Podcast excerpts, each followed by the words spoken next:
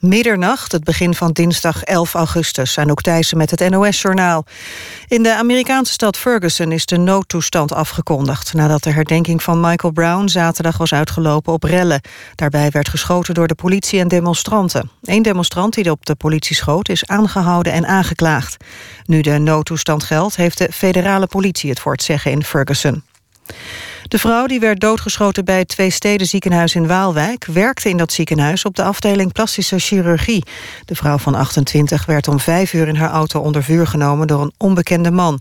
De politie van Waalwijk heeft tot laat in de avond... naar de voortvluchtige man gezocht. De zoekactie gaat komende dag verder. Er komt een nieuw onderzoek naar de rol van de NS... bij de aanbesteding van het openbaar vervoer in Limburg... heeft minister Dijsselbloem besloten. Het vorige onderzoek naar onregelmatigheden... werd gedaan door advocatenkantoor De Brouw... dat ook de huisadvocaat is van de NS. Minister Dijsselbloem zegt dat hij niet twijfelt... aan de integriteit van het advocatenkantoor... maar dat hij toch een second opinion wil... van oud-ombudsman Brennick Meijer. In Amsterdam is vrijdag een beruchte Britse crimineel opgepakt. Patrick Adams. Ook zijn vrouw is aangehouden. Ze worden verdacht van betrokkenheid bij het neerschieten van een man in Londen twee jaar geleden. Ze blijven in afwachting van hun uitlevering vastzitten in Nederland. Patrick Adams is de jongere broer van topcrimineel Terry Adams, ook bekend als The Godfather van Noord-Londen. De gemeenteraad van Amsterdam is bang dat de bouw van de Noord-Zuidlijn nog meer vertraging oploopt, omdat installatiebedrijf Imtech aan de rand van de afgrond staat, meldt de lokale zender AT5. Imtech bouwt onder meer de liften en roltrappen bij de Noord-Zuidlijn. De Duitse tak van het bedrijf vroeg vorige week faillissement aan en nu is bekend geworden dat banken geen noodlening willen geven. Het weer, de komende uren wordt het geleidelijk overal droog. Komende dag blijft het droog en schijnt de zon af en toe. Het wordt dan maximaal 26 graden. Woensdag verandert er weinig, maar donderdag wordt het nog een paar graden warmer. Dit was het NOS Journaal. NPO Radio 1. VPRO. Nooit meer slapen.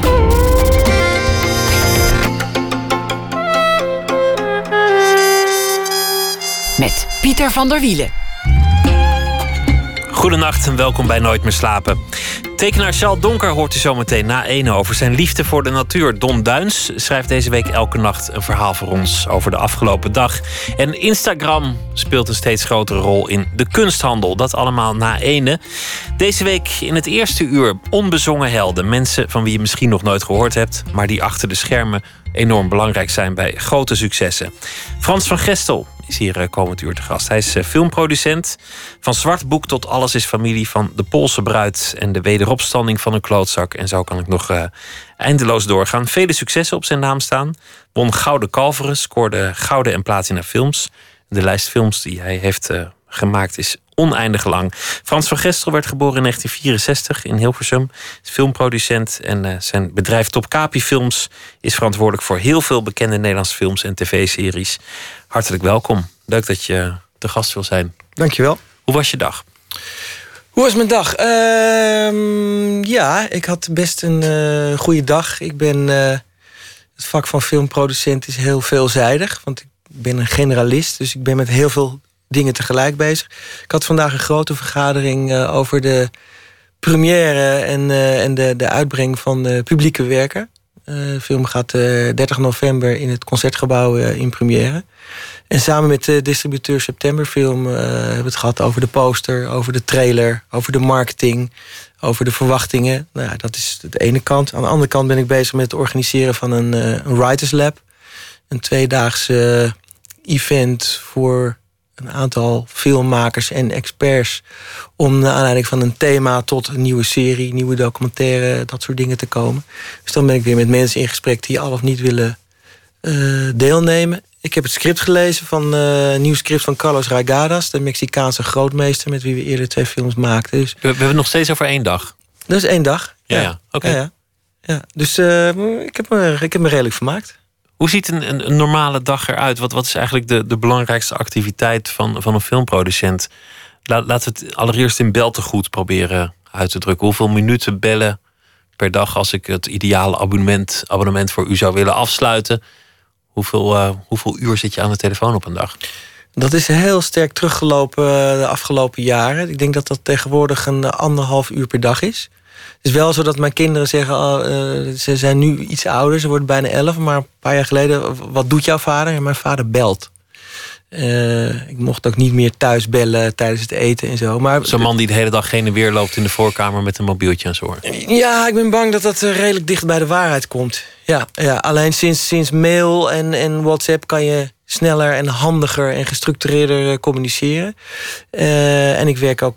Ik heb goede collega's, dus we verdelen het werk ook. En voor mij is het ook belangrijk om uh, momenten op een dag te hebben waar, waar ik dingen zie montages zie van films, van series, waarin ik lees. Ik moet zeggen dat ik ook veel, uh, best veel vergader. Van die anderhalf uur bellen per dag, hoeveel um, minuten, als je dat zou kunnen uitdrukken, gaan over geld? Uh, in mijn geval uh, nog geen 5% Dat is weinig. Dus... Ja, dat is heel weinig, omdat ik binnen mijn bedrijf Top Capi Films ben ik de creative producer. En ik werk samen met uh, twee compagnons. En een daarvan, Arnold Hesselveld, is de, meer de financieel uh, juridische man. Dat wil niet zeggen dat ik me helemaal niet met geld bezig hou. Want strategisch is inhoud, en, en zeker bij film is inhoud en financiën zijn altijd gekoppeld. Dus ik praat er wel over in termen van strategie, wat wel en niet kan. Maar echt hard over het geld praten doe ik intern wel, maar, maar niet met de makers. En ook eigenlijk niet zoveel met, uh, met opdrachtgevers of met uh, mensen met wie ik samenwerk. Je was al uh, heel jong geïnteresseerd in film. Dat was iets wat eigenlijk al, al, als tiener jou op de een of andere manier al, al greep. En al vrij snel werd toch wel duidelijk dat dat, dat, dat meer was dan, dan gewoon een hobby. Maar je hebt uiteindelijk toch nog een paar omzwervingen ge, gedaan. Geschiedenis gestudeerd onder andere. Behoorlijk, ja. ja. Hoe kom je dan uiteindelijk terecht in dit vak? Wat was het moment dat je, dat je dacht, nu noem ik mij voortaan filmproducent? Uh, tjonge, dat is een. Uh, dat, dat antwoord duurt even. Nou, kijk, ik kom uit Hilversum en ik had uh, vrienden wiens vader in, in bij televisie werkte. En een daarvan was cameraman Rob van der Drift, die die grote NCV-series deed. Dus voor mij was het, het werken op, op grote dramaseries, Wassende Water, uh, Armoede, dat soort series. Dat was redelijk normaal. Waar andere mensen vakantiebaantjes hadden aan de lopende band. Uh, ging ik mee uh, met Zomer van 45. Kwamen wij met tanks een dorp in, binnenrijden. Dus ik kende wel de, de mores van dat, van het vak. Maar wat voor mij echt heel belangrijk was... is dat ik kwam een keer laat thuis en dat ik uit was geweest... en ik zat nog even te zeppen Duitsland antenne had. Ik woon in Loosdrecht. En ik kwam een zwart-wit film tegen uh, Stranger in Paradise van Jim Jarmusch. En eigenlijk begreep ik niet zoveel van die film. Maar die film die raakte mij wel echt zo recht in het hart. Want daar werd een, uh, een, een, een, levensgevoel uh, kwam uit die film naar voren... die ik enorm goed herkende. Wat je ook kan hebben als misschien wel wat jongere tiener, dat je muziek hoort en dat iemand iets bezingt waarvan je niet helemaal weet wat betekent, maar je weet wel dat het over jou gaat. En dat was met uh, Stranger in Paradise uh, was dat zeker het geval. Dat was een low budget film van Jim Jarmusch. En ja, dat blijkt heel haalbaar te zijn om dat te doen. Voordat je die stap neemt om daadwerkelijk dat te gaan maken, te, te gaan schrijven, regisseren of produceren, ben je wel even verder. Maar de combinatie van dat je weet hoe dat vak in de praktijk werkt en dat je ziet dat dat haalbaar is, ja, dan komen dingen wel eh, langzaam samen. Daarmee zeg je eigenlijk dat jouw drijfveer nog steeds is liefde voor de film. Dat, dat je jezelf toch ook ziet als, als, een, als een maker, als, als een, een creatief persoon, als, als deel van het proces. Ja, onmis, onmiskenbaar. Ja. Ik ben, kijk, een bedrijf, de, de Top Capi Films, voorheen Motelfilms. En ik heb nog een uitstapje gemaakt van. Uh, uh, van 4,5 jaar naar de afdeling uh, film en drama. Die heb ik geleid bij IDTV. Uh, een bedrijf is voor mij altijd een, een middel om iets te doen en nooit een doel. Dus ook bij Top Capi en ook met mijn compagnons. economische groei is nooit een doel. Dat bedrijf bestaat om mensen te helpen, filmmakers, auteurs... om de films te maken die wij belangrijk vinden, die wij mooi vinden. Dus vanuit, vanuit die houding neem je ook risico's die misschien in, in een ander bedrijf niet, niet verantwoord zouden zijn. Uh, Met andere woorden, een film die jij heel graag wil zien, waarvan je denkt: dit wordt een hele mooie film. Echt iets bijzonders, maar misschien gaan we ook wel allemaal over de kop. Ja, dat gebeurt. Echt over de kop, of, of is dat spreekwoordelijk? Nou, ik uh, ik denk als je dat vak van mij doet, maar dat geldt misschien ook voor andere ondernemers in de kunsten. Uh, daar moet je niet al te veel over nadenken. Je, je, je, moet je angsten niet te veel toelaten, want dat, dat verlamt natuurlijk. Maar als ik, het, als ik de vraag heel rationeel beantwoord van uh, zijn er. Neem je, risico, neem je hele grote risico's? Ja, ik neem hele grote risico's. En ik doe ook, of ik, wij, gezamenlijk bij Top Films. We maken soms keuzes die veel anderen niet zouden nemen. bijvoorbeeld een film als publieke werken. Daar zijn jullie nu mee bezig. Die, die, die is al voor een deel gedraaid. Wordt nu, het is helemaal gedraaid. Is, uh, wordt nu afgewerkt, gemonteerd uh, naar het boek van Thomas Rosenboom. Ja. Een film met een budget van 6 miljoen. Ja. 6 miljoen euro. Dat is, dat is in, in Nederlandse filmtermen een fix bedrag. Dat is echt een grote film. In Hollywood zien ze je komen, maar in, in nou ja, zelfs in, Hollywood zou je daar eh, iets voor kunnen wellicht? Ja, zeker wel. Want in Hollywood is, de, is, de, is het aan het veranderen. Dus daar heb je hele grote films. En vroeger had je groot, midden en klein. En daar is het echt wel zo dat uh, je hebt de hele grote films... die vrij traditioneel zijn. De superhelden, het verfilmen van merken... met heel veel effecten... waar gegarandeerd mensen op af zouden komen. Nou, dat gebeurt ook vaak. Het midden is een beetje weg. Dus uh, er worden tegenwoordig heel veel films gemaakt tot 15 miljoen dollar. Vroeger had je films tot 15, 40, 50, 60. Dat midden is daar weg. En uh, dus, dus 6 miljoen euro. Uh, wat is het? 8 miljoen dollar. Daar zou ik ook met Hollywoodsterren een film voor kunnen maken moet wel een heel smart script zijn en, en, en niet met visual effects. Maar dat zijn tegenwoordig ook in daar zijn dat al uh, zijn dat redelijk serieuze bedragen. Een filmproducent mag niet nerveus zijn, niet als het over geld gaat. We willen dat die film er komt. Het kost nou eenmaal geld. We gaan het doen. 6 miljoen, oké, dat is prijskaartje. We gaan beginnen. De knoop in de maag, want die zit er vast wel. Waar gaat hij over? Als jij s'nachts wakker schrikt, balend in het zweet, wat is dan het eerste wat door je hoofd schiet? Uh, nou, op dit moment, omdat de film is, is in vertelling af... maar de visual effects moeten nog uh, afgemaakt worden. Nou, dat gaat gelukkig ongelooflijk goed. Vandaag weer gehoord en gezien. Maar uh, ik was op vakantie afgelopen maand. Denk ik, hoe goed wordt het? Het kan toch niet zo zijn dat we het decor wat we gefilmd hebben prachtig is... en dan draait de camera door en dan zien we de droogbak... of dan zien we het, uh, het rokin wat we hebben gefilmd met greenscreen... en wat we maken in de computer. En het ziet er niet uit. Gelukkig ziet dat er wel goed uit. Want dan hang je een groen doek op en dan later dan kan je digitaal dat invullen. Dus, dus de acteurs die staan voor een groen doek, maar op het uiteindelijke beeld is dat een straat of een plein of een, of een omgeving. Je kan daar eigenlijk alles later in projecteren. Ja, ja. Als het goed gaat. Zo, zo simpel is het. Zo simpel is het niet in de uitvoering, want het is een combinatie van uh, decor, uh, groen, groene doeken, computeranimaties. En het moet allemaal in elkaar vallen. En je kan het eigenlijk pas zien als het allemaal samenkomt. Dus niet alleen als de computeranimatie klaar is, maar als daarna ook nog eens de uh, kleurcorrectie gedaan is. Als we nog wat met het licht hebben gedaan. Als, ja, als het allemaal samenkomt. Dat is een spannend moment. Maar ook als we zo'n film gaan draaien. Uh, een filmproducent moet, moet altijd, uh, heeft altijd een cashflow probleem. Dus de kost gaat altijd voor de baat uit. Ja, en als wij aan het draaien zijn in, uh, in Hongarije, hebben we heel veel gedraaid in dit geval.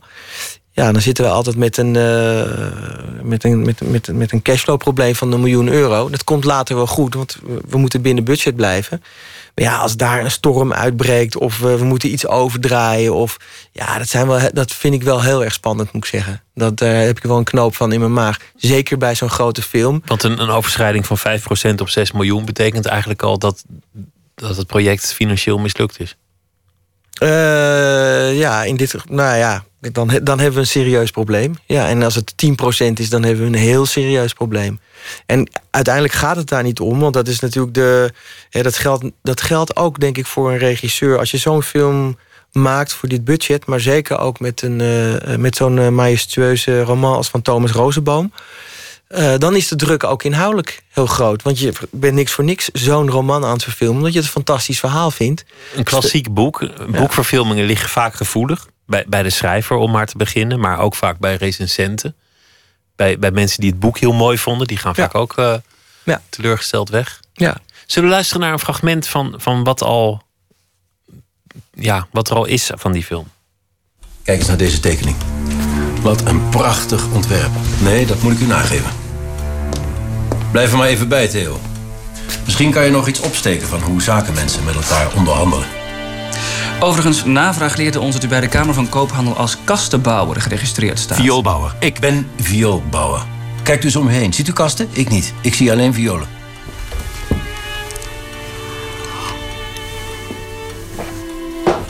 Noemt u mij uw prijs? Prijs? Er is geen prijs. Doet u eerst een bod. Heel graag. Maar staat u mij toe het hele spel van loven en bieden over te slaan? Wij weten door de taxatie immers al in welke orde de uiteindelijke prijs zal komen te liggen. Uw bod. Graag. 20.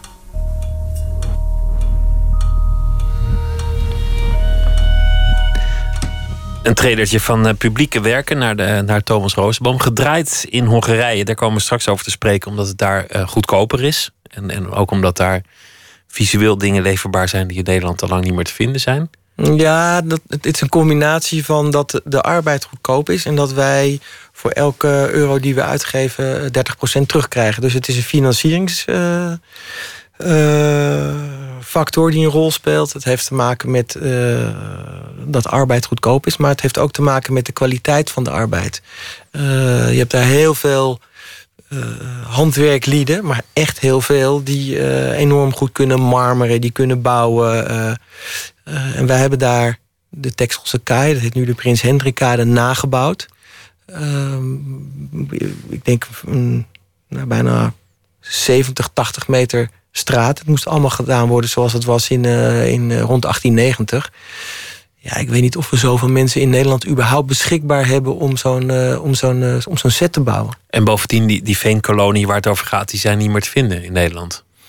Nou, we hebben de, de, nee, niet daadwerkelijk de veenkolonie, maar wel het landschap waar we dat in zouden kunnen doen. Dat hebben we gekeken in Nederland en in Duitsland.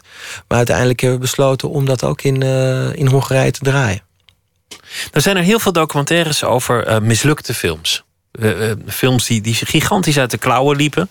Vaak enorm amusant om naar te kijken. De, een, ja. van de, een van de films met Romy Schneider, L'Enfer, die film is er nooit gekomen budget, dat, dat ging viervoudig over de kop. Acteurs kwamen niet meer op, op dagen. Iedereen had ruzie met elkaar. Iedereen gaf elkaar de schuld. Mensen liepen weg van de set. Ja. De film Jaws, ook zo'n prachtige documentaire. Het lukte niet om die haai geloofwaardig in beeld te brengen. Duikers met een fin op de rug. Zag je die duiker peddelen. Leek nergens op. Een machine die nooit afkwam. Ja. Een van de oplichter die zich voor haaienfluisteraar had uitgegeven. En zei ik heb tamme haaien, die kan je gebruiken. Nou bleek allemaal enorme onzin. En de miljoenen die bleven maar en, en, de klassieker Hearts of Darkness, de making of uh, ja. Apocalypse Now. Dat is natuurlijk ja, de ultieme uh, documentaire over het maken van een film. En eigenlijk, ook, ook in die film, dacht iedereen terwijl ze het maakten... we zijn aan een flop aan het werken, dit project is totaal mislukt. En degene die het meest gestrest rondloopt, die het meest rookt... die het meest bibbert, dat is de producent. Kan jij dat soort films zien? Nou, ik krijg er, ja, ik kan het zeker zien. Want ik, ik, ik vind het raast interessant en ik moet er soms ook om lachen. Maar er zijn uh, die, de, die film over, uh, over die Terry Gilliam film, uh, The Making of man van La Mancha. Daar, daar zat ik naar te kijken en op een gegeven moment had ik echt buikpijn. Ik denk, oh nee, gebeurt dit ook nog? En dit, en dit. Hoofdrolspeler kreeg een ontsteking aan zijn prostaat. Jean Rochefort kon niet meer paardrijden, ging weg. Johnny Depp moest ingevlogen worden. En ondertussen was er een storm en regen. En op een gegeven moment heb je shots, dan drijven echt de lampen en de, en de statieven door het beeld. En dan weet je gewoon, die film is gewoon los. Die komt er gewoon niet. En die, die, die, die is er ook niet gekomen. En dan weet je hoe groot de, de schade is. Dat, ja, bij zo'n film is dat, gaat het over miljoenen. Um, maar ik denk dat, dat wat, je, wat ik dan voel en wat ik dan zie... en ook wat er met mij gebeurt als ik een, eh, een, een grote film als eh, publieke werken uh, produceer... Gaat voor een deel ook, hoe ga je met je eigen angst om? Als je je angst je moet wel realistisch blijven, maar je moet aan de andere kant ook uh, je angsten uitbannen of daar een manier voor vinden. Want anders, anders is je vak niet meer leuk. Als je gewoon terrified bent van we gaan nu een hele grote film doen. En dat gaat heel erg over de mensen met wie je samenwerkt uh, binnen het bedrijf. Nou, wij zijn een hele hechte club en ook al heel lang. En er is heel veel vertrouwen. En in het geval van de jarige Joram Luurse, vandaag jarig. De regisseur? Regisseur, met, was dit mijn zesde speelfilm met hem. En is er tussen ons ook een enorm groot vertrouwen. En dat is voor mij en ook voor mijn mensen echt cruciaal. Want je ah. bent geen solist. Je werkt toch met mensen samen. Je wil mensen kennen. Je wil uh, mensen aan je zijde hebben. Zeker, dat is echt cruciaal voor mij. Ik, ik, wij kiezen ook vanaf dag één, uh, vanaf, vanaf dat ik dit vak doe, uh, kies ik ook altijd voor in eerste plaats, plaats voor mensen en in tweede instantie voor het verhaal. Dus jij kijkt, oké, wie maakt het script? Wie is de regisseur meer dan waar gaat het eigenlijk over? Wat is eigenlijk het plan? In principe wel. Er zijn natuurlijk uitzonderingen. Maar, en er is ook een verschil tussen een commerciële film en een arthouse film. Een arthouse film wordt gemaakt door een auteur die zijn verhaal vertelt. Dus iemand moet zich al bewezen hebben, wat voor, voor nieuwkomers lijkt me lastig is. Nee, dat hoeft niet. Want uh, als ik uh, een avond met iemand ga eten en iemand heeft net filmacademie gedaan en die heeft een goed verhaal en ik voel die persoonlijkheid van iemand. Ik denk van ja, maar dit is wel een authentieke maker. Dan ga ik graag dat uh, avontuur aan. Het gaat om mensen. Hoe kan het dat jij sinds 1996 al in dit werk zit en, en nou ja, meerdere films per jaar maakt? Wisselt per jaar, maar het zijn er flink wat. Betekent dat dat het nooit mis is gegaan? Of betekent het dat je dat je, je littekens hebt overleefd? Ik, ik, zou zeker dat laatste willen zeggen. Ja, er zijn behoorlijk wat littekens. Ja, dat is uh, onderdeel van, dit, uh, van het werk wat ik doe. Uh, genoeg mislukkingen en, en, en littekens. Wat ik wel altijd voor mezelf bepaal... is waar mijn grenzen liggen. Dus met wie ik werk, onder welke omstandigheden. En het is heel erg belangrijk om een manier te vinden... waardoor je zelf fris blijft. Uh, dat betekent dat, uh, dat ik met bepaalde mensen uh, niet meer samenwerk. Omdat zeg maar, de chemie tussen die regisseur of schrijver of whatever en mij zo niet goed is dat, dat, dat daar een soort cynisme ontstaat. Ja, en als je daarin meegaat, dan ga je, ga je hetzelfde gedrag vertonen. Ja, dan, word je, dan, dan hou je het niet lang vol. Het moet, het moet een zekere vrolijkheid hebben. Het moet vanuit een zekere blijdschap gebeuren allemaal. Nou, dat zou, vrolijkheid en blijdschap, dat, dat zou impliceren van als het maar gezellig is. Uh, het moet vooral uh, eerlijk en authentiek zijn. En als daar, als daar af en toe een fikse ruzie bij zit, vind ik dat prima. Ik kan ook heel driftig zijn. Maar, maar wat als het niet over jou gaat? Want dat kan natuurlijk ook nog. De, bijvoorbeeld de scriptschrijver en de regisseur krijgen ruzie. Mhm. of, of acteurs krijgen ruzie. Is me overkomen dat, dat komt allemaal op jouw bord. Ja. En daar heb je toch zelf vrij weinig invloed in. Je bedoel, jij hebt al die mensen uitgekozen, professionals. Nou ja, goede ideeën, goede mensen. Nou ja, dus de casting doe je al niet eens zelf trouwens. Dus nou, ga je me, over het algemeen bemoei ik me zeer met de casting. En ook met het uh, scenario. Maar ik, ik ben ook wel iemand... Als ik niet nodig ben, ben ik op wat meer afstand. En als ik heel erg nodig ben, ben ik er ook heel dicht bovenop het proces. Dat is ook deel van je talent. Niet mensen voor de voeten lopen.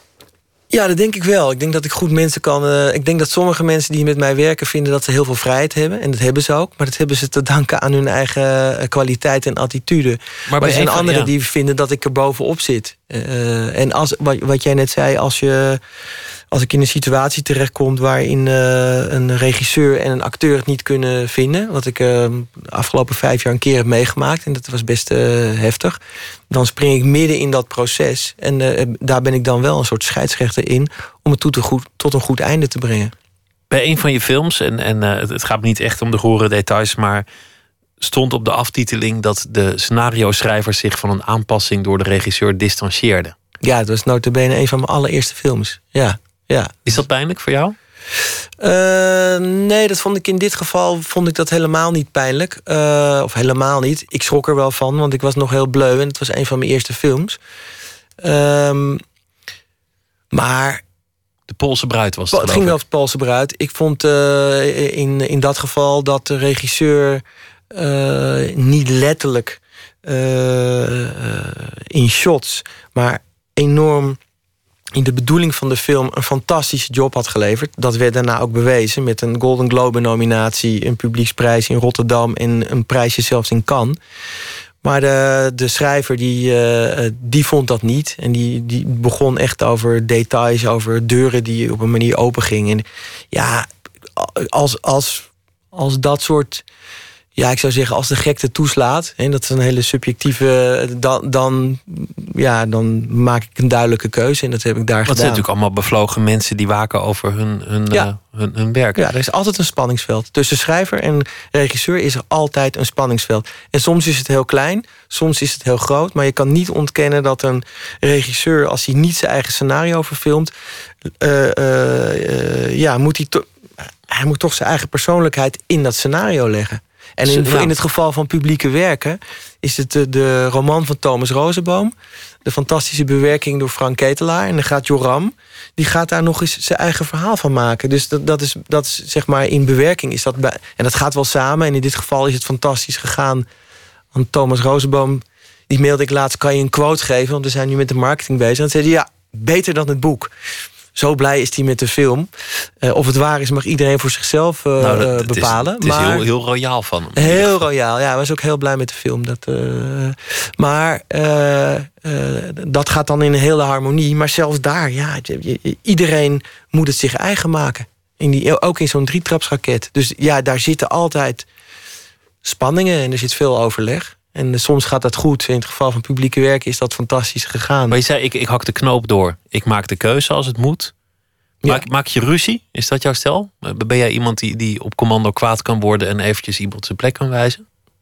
Als het nodig is wel. Ik ben eh, denk ik redelijk driftig van aard. Maar mijn ervaring en mijn leeftijd zorgen ervoor dat ik er beter tot tien kan tellen dan, eh, dan eh, tien jaar geleden. Maar als, als dat nodig is, als het constructief is, kan ik dat doen. Ja, zeker. Ik eh, om conflicten, in ons vak echt om conflicten heen gaan. eh, zachte heelmeesters maken stinkende wonden. En zeker in ons vak. Want als je op een aftiteling kijkt en er staan bij een grote film 500 mensen op. En aan de top, aan het stuur, tussen de producent, de schrijver en de regisseur. Als, daar al, als het daar al niet lekker zit, als het daar al stinkt. Dan, ja, dan, dan, dan die staart en al die mensen daarachter, ja, dat wordt dan echt problematisch. Dus daar moet je altijd eh, bovenop zitten. Bij Zwartboek werd het ook eh, eh, ruzie. Achteraf is het natuurlijk alles goed, want het was een enorm succes, die film. Ja. Maar er wa- waren problemen met geld. Het, budget Enorm. Ja. liep, liep een beetje over, over de, de Een beetje. Terwijl het al een hele dure film was. En, Ja. en, en, ehm, het verhaal gaat dat tijdens de première een, een deel van de crew, mensen die hadden meegewerkt aan de film, bij de aftiteling boel begonnen te roepen. omdat ze boos waren over geld. Ja, nou, dat, dat, ik, ik kan bevestigen dat het waar is. Dat lijkt me ook pijnlijk. Ja, is het ook. Ik moet wel de eerlijkheid gebied met zeggen dat eh, Zwartboek... eh, daar was Sanfu Malta de, de, de, de producent van. En daar eh, En jij, had ik jij was de co-producent. had ik, nou, ik Ja. heb een producentencredit, maar daar was ik in feite de co-producent met mijn toenmalige compagnon Jeroen Beker. En bij Alles is Liefde was dat andersom. Dus ik zat daar zeker niet aan het stuur. Dus eh, a- alle positieve en negatieve dingen zijn meer van, eh, van toepassing op, eh, op, eh, op Sanfu. hè, ook alle credits. Maar goed, ik Had heb jou ook kunnen gebeuren. dit. Eh, nou, uh, Sanfu heeft wel een iets andere stijl van. eh, eh, die durft meer. Ik zou nooit eh, eh, eh, zoveel over budget durven gaan. en dan eh, gedurende het proces er geld bij zoeken. Dat is niet mijn stijl van produceren. Dus dat had mij op die manier, denk ik, niet kunnen overkomen. Maar eh, ik had ook niet zo'n grote film eh, kunnen maken. Dus Sanfu verdient daar ook de credits voor. Maar dat is wel echt een andere. Wat, hoe Sanfu het doet, is een andere stijl van produceren. En ik ben zeker eh, in dat financiële gedeelte. denk ik dat wij wat behoudender zijn. Maar goed, het geeft aan wel het risico's zijn. Namelijk dat je een film draait met, met cameramensen die inmiddels denken: krijg maar de, maar de, de vinkenfuck met je film. Ik wil gewoon geld zien en ik, ik maak het af, anders kan ik helemaal ernaar Ja, dat kan, maar dat kan iedere producent kan het overkomen. het dat is het risico- kan, risico eh, van het kan vak. We gaan luisteren naar eh, muziek uit een van, de- van de succesfilms. Alles is familie. Ook weer van eh, Joram Leursen. Geschreven door Kim van Koten. En het nummer dat in die film eh, voorkwam was van Raccoon. En dat heet Oceaan.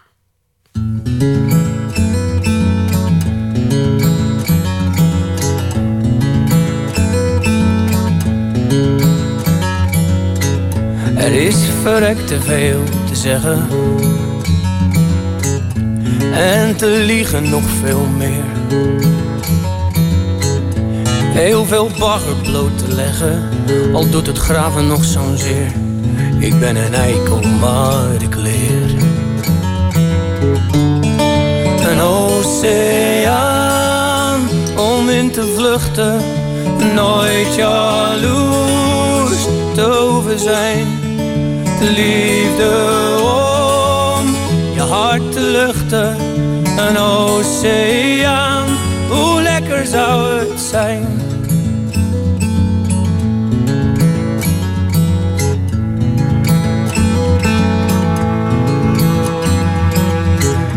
Was er iets waar ik om wenste Voordat de put droog komt te staan Dan was het lang zullen ze leven Familie waar ik veel van hou En voor wie ik sterven zou Een oceaan om in te schuilen Nooit alleen meer hoeven zijn Ik heb gesmeekt niet meer te huilen Alsjeblieft het leven jaagt geen angst meer aan. Ik heb al zo ver moeten kruipen. Laatste stuk zal ook wel gaan tot ik ga staan. Een oceaan om in te vluchten. Nooit jaloers te hoeven zijn. Liefde om je hart te luchten. Een oceaan alleen van mij een oceaan om te verzuipen.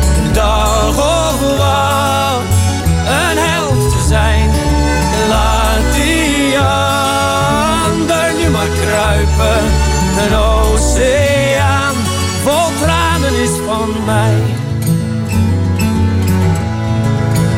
Alleen van mij.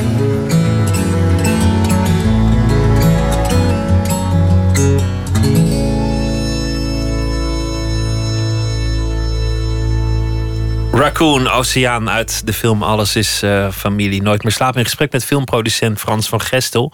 Een hit bij de film. Maakt het jou dan eigenlijk nog iets uit? Of, of, of het liedje van de, van de film een hit wordt? Jawel, want als wij een uh, uh, commerciële film maken... Dan, dan wil je en een mooi nummer. Maar tegelijkertijd maakt dat nummer natuurlijk ook deel uit van de marketing. Het bereiken van een zo groot mogelijk publiek. Dus daar heb je ook mee bemoeid welk liedje het wordt?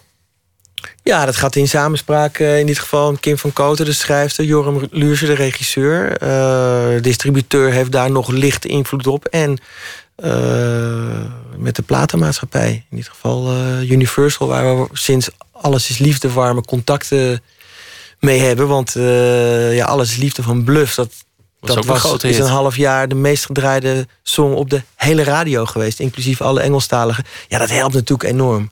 Uh, helemaal bij Alles Liefde, omdat de titel in de song zit. Dus... Waar begint een film?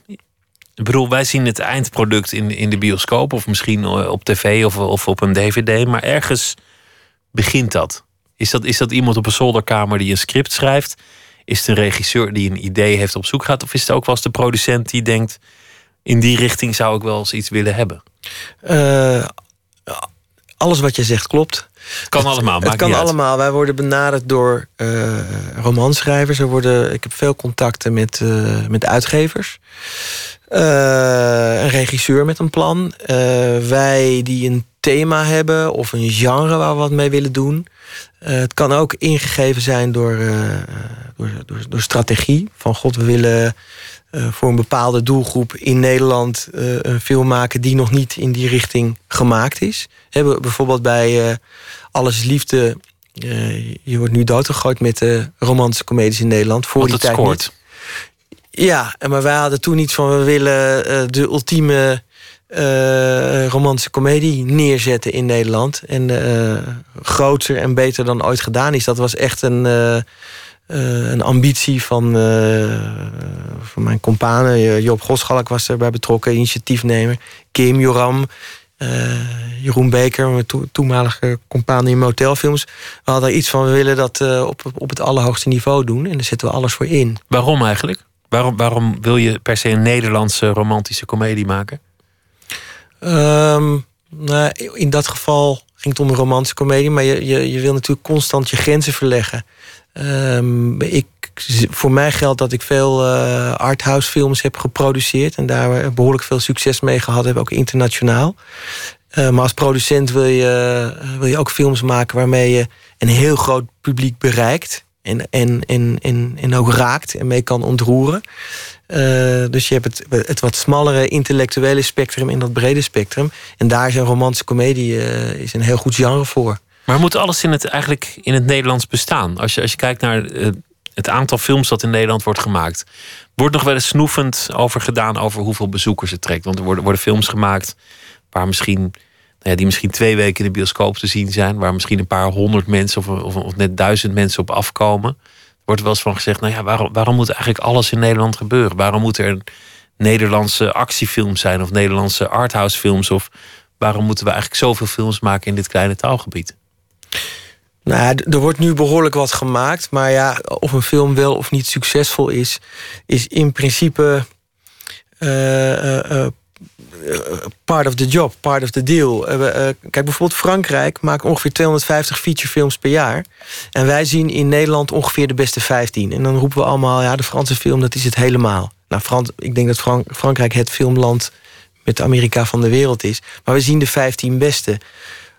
In Hollywood rekenen ze 1 op de 10 films is succesvol. Nou, wij zien er niet één, maar we zien er misschien twee van de 10 of drie van de 10. In Nederland, omdat je eigen land is, zie je ze allemaal. Maar als je cijfermatig. Je kan, er is veel over te zeggen, ook over de inhoud. Maar als je cijfermatig gaat kijken naar de uh, Nederlandse film, dan kan je zien dat toevallig, heel toevallig loopt dat samen met vanaf het moment dat ik ongeveer begonnen ben in uh, 96. Maar het marktaandeel van de Nederlandse film was toen, ik geloof, 3 procent. En het is de laatste jaren 20 procent. Dus maar dat is, dat is wel op konto van een paar hele succesvolle films. Niet, niet helemaal, maar vaak wel. Ja. En zo, maar zo gaat het in alle landen. Dat geldt ook voor Intouchable in Frankrijk. En het geldt ook voor de grote blockbusters in, uh, in Amerika. Maar, maar ik wil niet zeggen... Maar nog even over dat ja. genre. Daar heb ik nog wel iets, wel iets over ja. zeggen. Kijk, uh, natuurlijk als wij een actiefilm gaan maken... is dat... Is dat uh, daar heb je veel budget voor nodig. Maar aan de andere kant, een, een, een goed filmklimaat is gebaat bij, bij veelzijdigheid. Een regisseur die straks een crossover film gaat maken en die een actiescène moet doen, is gebaat dat hij, dat, dat hij een keer een actiefilm. Daar is op zich niks mis mee. En je, je moet niet constant een doodlopende weg ingaan. Maar op zich gaat het heel aardig met de Nederlandse film. Al is er veel voor verbetering vatbaar. En daar hoort die diversiteit, die hoort daarbij. Kortom, eigenlijk zeg je, um, er moeten af en toe minder succesvolle films zijn. Al is nou, liever maar, niet natuurlijk. Maar het is nog eenmaal uh, part of the job dat het af en toe gebeurt. Maar het is ook nodig, omdat als je die, die niet succesvolle films zou weglaten, los van dat het je niet zou lukken, dan zou je ook niet het talent in leven houden om, om af en toe die hele succesvolle te maken. Ja, dat, is, dat gaat onmiskenbaar gaat dat samen. En dat wil niet zeggen dat ik uh, niet heel kritisch ben op de Nederlandse film, want dat ben ik wel. Uh, maar goed, we, we, we, we, maken meer in Nederland en uh, we trekken ook meer publiek. Het is diverser. Dus in die zin is er iets heel positiefs aan de hand de laatste tien jaar. De, de andere kant van de medaille is dat door commerciële successen er steeds meer commerciële films worden gemaakt. En soms te snel, voor te weinig geld, met scripts die niet goed genoeg zijn. En dan wordt het wat armoedig. En dat is ontzettend jammer. Eh, maar ons grootste probleem zit, zit gek genoeg aan de toeschouwerskant. Want wij hebben een zeer gebrekkige cultuureducatie op de lagere en middelbare school. En uh, willen wij wat, wat slimmere en wat moeilijkere films kunnen maken. Dan hebben wij daar ook een substantieel publiek voor nodig. Ja, en een publiek, dat moet zich ook ontwikkelen. En in een land als Frankrijk, waar op de lagere school uh, elke vrijdagmiddag uh, of een gedichtenbundel uh, of literatuur of een klassieke Franse film wordt vertoond. Ja, daar kweek je niet alleen de makers van de toekomst, maar ook het publiek. En, en daar is nog een wereld te winnen voor ons. Fransen gaan ook vaker naar de bioscoop dan Nederlanders per, uh, ook dat. Per, per, lid van de bevolking, zelfs op het platteland als ze een uur moeten rijden. Kun je in Nederland een film maken zonder subsidie? Uh, nou, in een. Er wordt altijd Nederland gezegd, laat ik zeggen, in een klein taalgebied. Dus is, dat, uh, is dat nauwelijks te doen. Want als je kunst bedrijft in een klein taalgebied, dan is het heel lastig om, uh, om je geld terug te verdienen. Dus het kan wel, low budget, en dat gebeurt ook incidenteel, maar het zijn altijd incidenten. Maar als je op een serieuze manier uh, uitzonderingen daar gelaten, want er zijn altijd lucky shots, maar een scenario wil ont ontwikkelen. Twee jaar lang. je wil financieren en draaien. Nou, dan ben je gemiddeld met een film zeker een jaar of vier bezig. Dat kost gewoon geld. En als je dan de beste uit het vak wil hebben, de beste cameraman, de beste acteurs, ja, die mensen verdienen geld. Uh, en onze markt is klein. Hè. Dus een van mijn eerste film, films uh, die, die ik co-produceerde was uh, De Poolse Bruid. Nou, daar gingen in Nederland geloof ik 130.000 mensen naartoe. Dat was een low-budget film. Als je, dat, als je datzelfde gebeurt in Frankrijk, gaan er niet 130, maar dan gaan er opeens een miljoen mensen naar een film die niks gekost heeft. Ja, dan, dan komen de bakken met geld binnen. En dat is in Nederland niet, want het is een klein taalgebied. Nou is er flink uh, gekort in allerlei regelingen. Uh, Halbe Zelstra die heeft met zijn cultuurplannen ook de, de film niet, niet ontzien. Wat betekent dat voor de films die wij zien? Ik bedoel, sommige soorten films zie je minder, maar je kunt het ook misschien zien aan een film zelf. Als een film wordt gemaakt. Is het zo als iemand met een scenario naar jou toe komt, dat jij als producent meteen scènes schrapt en zegt: Oh nee, dit wordt te duur. Bijvoorbeeld, hoofdpersoon, strikt fictief, rijdt aan het slot in de gracht. Dat jij dan als producent zegt: Nou, laat hem maar tegen een boom rijden, want in de gracht dat wordt zo duur. Nou, nooit in de eerste instantie, want het, het, is, het is, zinloos aan, om samen aan, een avontuur te beginnen. Ja, nee, we gaan het avontuur wel aan, maar je, je, je gaat eerst het avontuur, het scenario, zo volledig en zo goed mogelijk uitschrijven en, uh, en, en, en, met elkaar aanvangen. En dan probeer je uh, vrijwel altijd de financiering te vinden die nodig is om dat verhaal te verfilmen.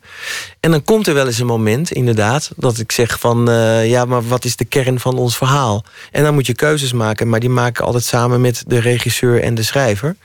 Nou ja, en als het een, een, een, een, een psychologische dialogue-driven film is, dan, uh, dan is het in de grachtrij of tegen een boom is dan minder belangrijk. Dus dan zeg je van nou laten we maar tegen die boom rijden. Maar andersom kan ook, als het een actiefilm is. Ja, we hebben hier twee dagen dialoog. Laten we die actie extra optillen. Want voor deze filmen. Dus dat gebeurt. Dat gebeurt. Maar goed, minder stunts kan ik me voorstellen. Ik kan me ook voorstellen minder uh, speciale effecten of, of minder magie, om het zo maar te zeggen. Hoe realistischer, hoe goedkoper. Denk ik als maar, leek. Ja, maar dat is, dat is precies landen waar minder geld is, hebben een handje van om uh, sociaal realistische films te maken. En bijvoorbeeld in, in Luik heb je de Gebroeders Dardenne, die dat fantastisch doen. Echt meesters. Maar als jij een. Het publiek zit niet. Film is natuurlijk voor een groot deel ook entertainment.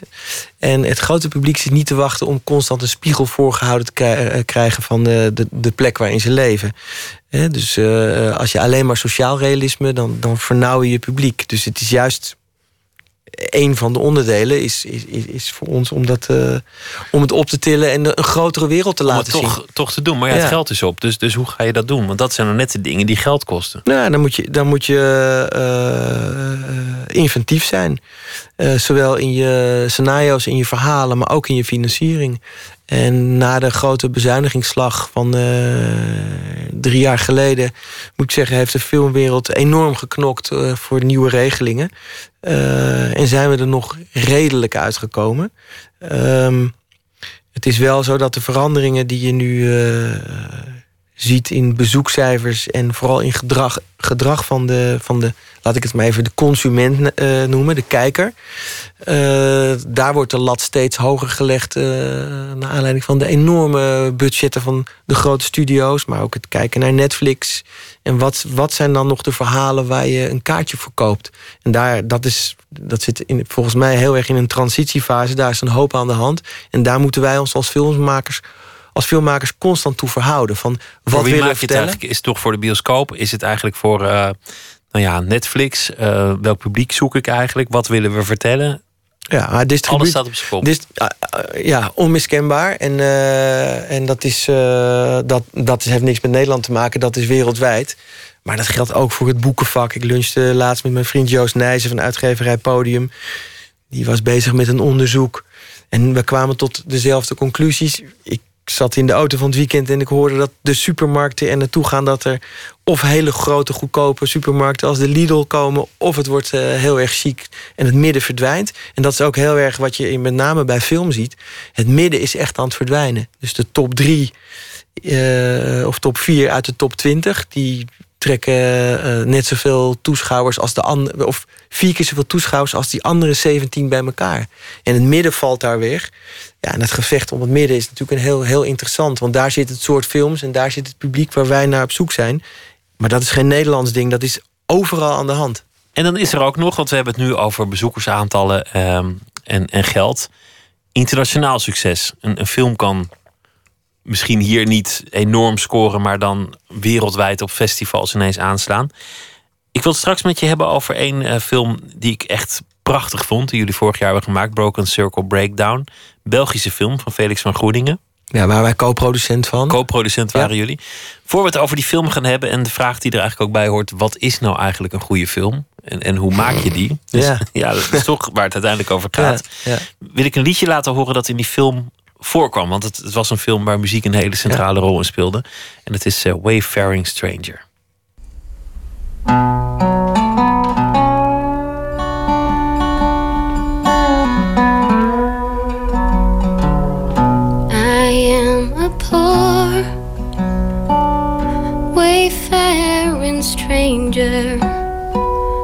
While traveling through this world of woe. Yet there's no sickness, toil, or danger in that bright world to which I go.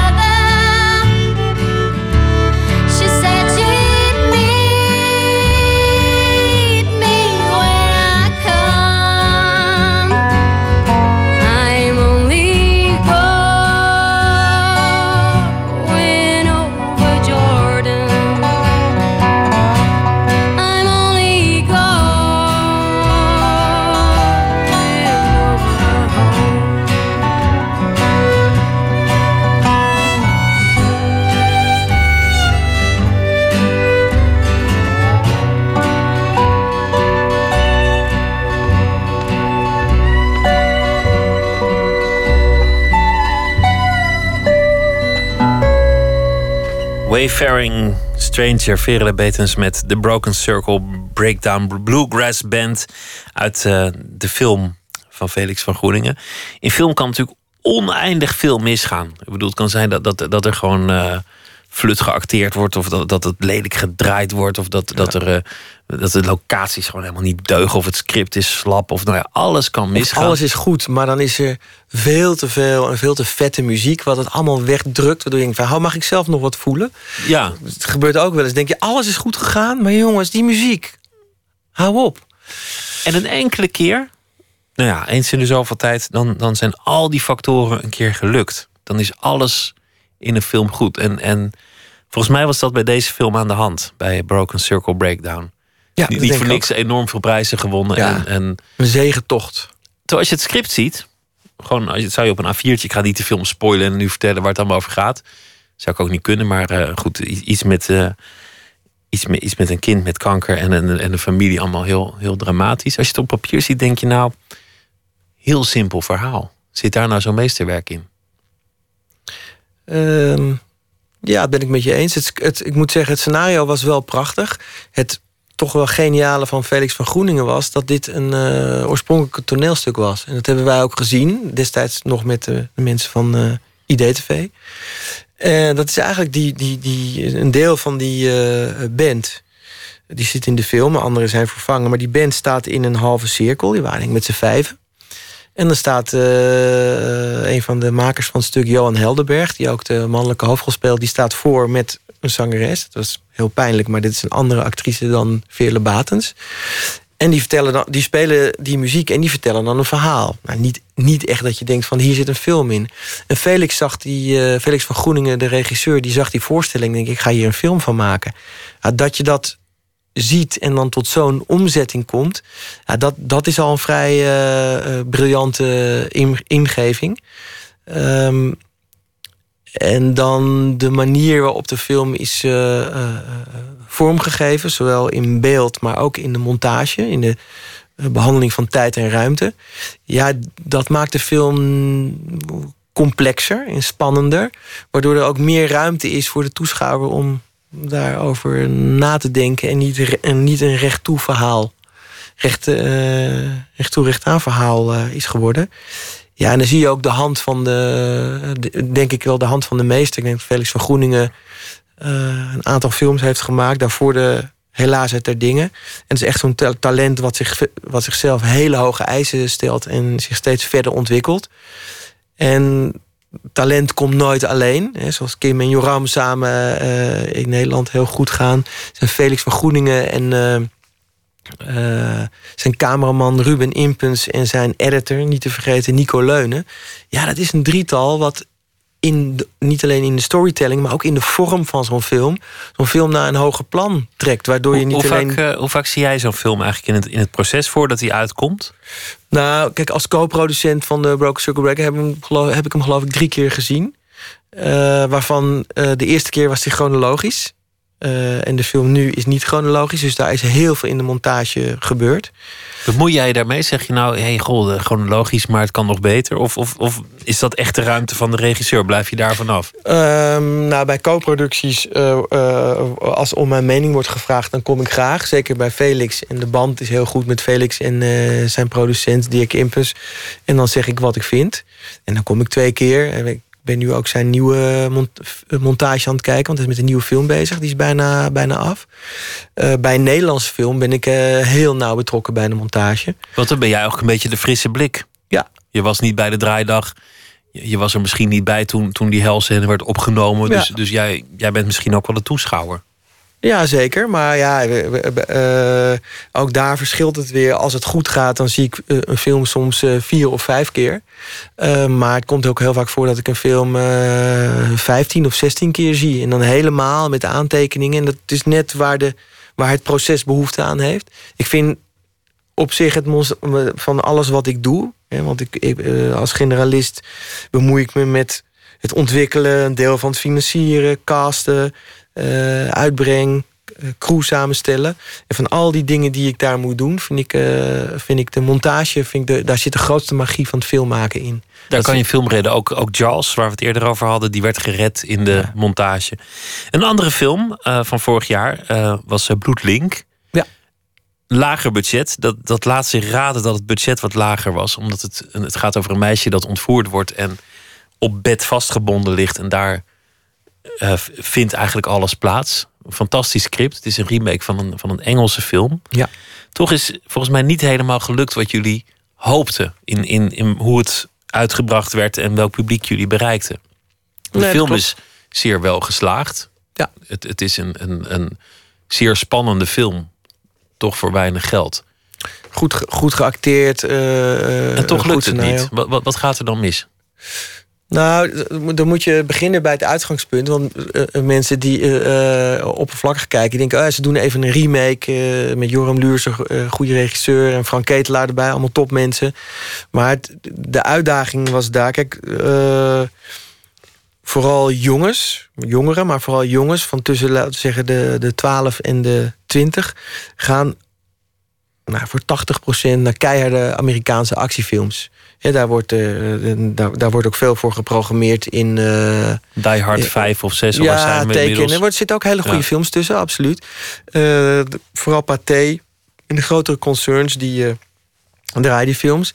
En ik vind het als producent ook een uitdaging van... Ja, kan ik iets maken kan ik, kan ik die gasten ook naar een Nederlandse film uh, toe krijgen. En niet gelijk een hele dure actiefilm. Toen uh, zag ik, nou, daar had ik met Frank Ketelaar en Joram Luurs over. Laten we daar iets voor ontwikkelen en het mag niet meer dan een miljoen kosten. Uh, en toen kwamen we, toen, uh, kwamen we deze film tegen. Het origineel, The Disappearance of Alice Greed. En dacht ja, maar dit kunnen we heel goed in 20 dagen draaien... voor net onder het miljoen. Met topacteurs, die we ook eindelijk in de film hadden. En echt ontzettende spannende film maken voor niet te veel geld. En als het echt goed is, kwaliteit overwint altijd... dan kunnen we ook die jonge gasten naar die film krijgen. Nou, het zijn er uiteindelijk uh, 60, 65.000 geworden.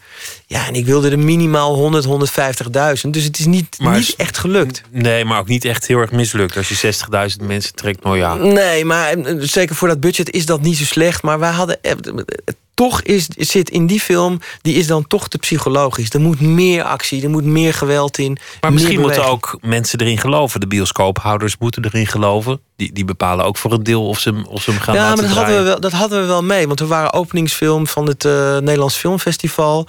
En de opening was dat die film op die dag in heel veel bioscopen draaide voor een bepaald bedrag, niet al te veel. Dus we hadden wel. Eh, kijk, het probleem met een wat kleinere film, met een klein marketingbudget, is hoe, hoe trek je die eerste 10.000 mensen? Want als de mond tot mond goed is, dan gaat hij dan lopen. Die, dat hadden we met die opening, met de publiciteit, uh, met die opening. In de, dus we hadden in die zin de wind wel mee. Men geloofde in de film. We kregen goede recensies. Recensies, letterlijk schreef één recensent ja. Uh, eigenlijk vier sterren, maar het is een remake, dus ik trek er een sterretje af. Maar in, in feite kregen we allemaal een soort van vier sterren recensies. Dus de recensies waren goed. Overigens niet zo heel belangrijk voor die doelgroep. Nee, die lezen dat niet. Maar de film was goed, we waren opening. En, uh, maar ja, we, blijkbaar hebben we dat publiek toch niet kunnen, kunnen pakken. En de enige, eigenlijk het enige genre waarin je die jonge gasten kan, Nederlandse gasten nog kan pakken, volgens mij is toch comedy. Uh, nou, ik, ik wilde eigenlijk nog meer films. Ik, ik heb het hele weekend, ik heb vierkante ogen. Ik heb het hele weekend al die films gekeken. Maar we komen er niet aan toe om nou ook nog de wederopstanding van een klootzak helaas, te gaan uh, bespreken. Prachtige ja. verfilming van een stripboek dit ja. keer. Zie je ook steeds vaker. En uh, nou ja, de Heineken-ontvoering. Wat heb je allemaal recentelijk nog, uh, nog gedaan? Kijk je ooit terug? Want, want bedoel, je maakt een film. Je bent er, bent er een half jaar zeer intensief mee bezig. Je ligt ervan wakker film komt uit, draait een paar maanden in de bioscoop, gaat op DVD de wereld over. En het is voorbij. Na twee jaar weet je dan eigenlijk nog van alles wat je gedaan hebt? Ja, ik kijk niet terug. Uh, ik heb ooit wel eens op een filmfestival werd vijf of zes of zeven jaar later een film gedraaid. Toen heb ik hem teruggezien. En toen voelde ik nog alle uh, alle littekentjes uit de montage. Van dit hebben we zo opgelost, die het publiek helemaal niet ziet. En elke keer voel je nog zo'n scheut in je maag van... oh ja, hier hebben we dit hebben we zo gedaan. Maar in principe, eh, niet uit principe... maar ik kijk mijn films over het algemeen uh, niet terug. Maar ik weet feilloos van alle films die ik heb geproduceerd... vooral door de montage... waar de kracht en de, en de zwakte zitten... en ook waar we dingen op een goede manier hebben gefixt... waar we een groot probleem hadden... maar waar we met muziek en montage het hebben gered. En ook waar we het gewoon... Ja, soms red je het gewoon niet. En het, en het grappige is, als je een film maakt die, door het, die het publiek omarmt... dan omarmen ze ook alle fouten, dan mag dat. En soms maak je een film die zeg maar, rationeel gezien beter is... waar minder fouten in zitten. Maar ja, soms pakt een film niet met het publiek... en dan is elk krasje, elk foutje wordt genadeloos gezien. En, uh, de, en ik, ik zie die fouten, ik weet die, die mankementen van zo'n film. En ik moet zeggen dat het het doet me altijd. Misschien is dat ook een. Ik zie meer de fouten dan de goede dingen. En het doet mij. Het, het, kan mij na tien jaar nog steeds heel erg veel pijn doen. God, waarom hadden we niet die gecast? Of waarom. waarom is dat niet goed gegaan? Dus uh, het cliché van je films zijn je kinderen. Nou, dat geldt denk ik voor de schrijvers en regisseurs die minder maken dan een producent. Wellicht iets meer dan voor mij. Maar voor mij voelt dat ook zo. Dat zijn echt mijn kinderen. En uh, ja, en als er een vlekje op zit, dan uh, ja, dat doet pijn. De magie van de film is dat ook. Het is een, een rot beroep, maar soms met een prachtig resultaat. Ja filmproducent. Dank dat je te gast wilde zijn, eh, Frans van Gestel. En uh, publieke werken. Wanneer gaat het in première eigenlijk? Uh, eh, 30 november gaat publieke werken in première. En een week later gaat hij in de bioscopen draaien. Dankjewel. We gaan zo meteen verder. Twitter, het VPRO NMS. Tot zometeen.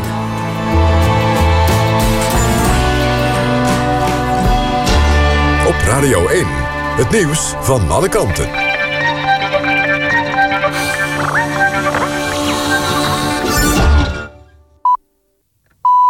1 uur, aan Thijssen met het NOS-journaal. Google gooit zijn bedrijfsstructuur radicaal om. De internetgigant richt een nieuw moederbedrijf op, Alphabet. Daarin worden de webactiviteiten gescheiden van andere bedrijfstakken. De zoekmachine, het besturingssysteem Android en YouTube...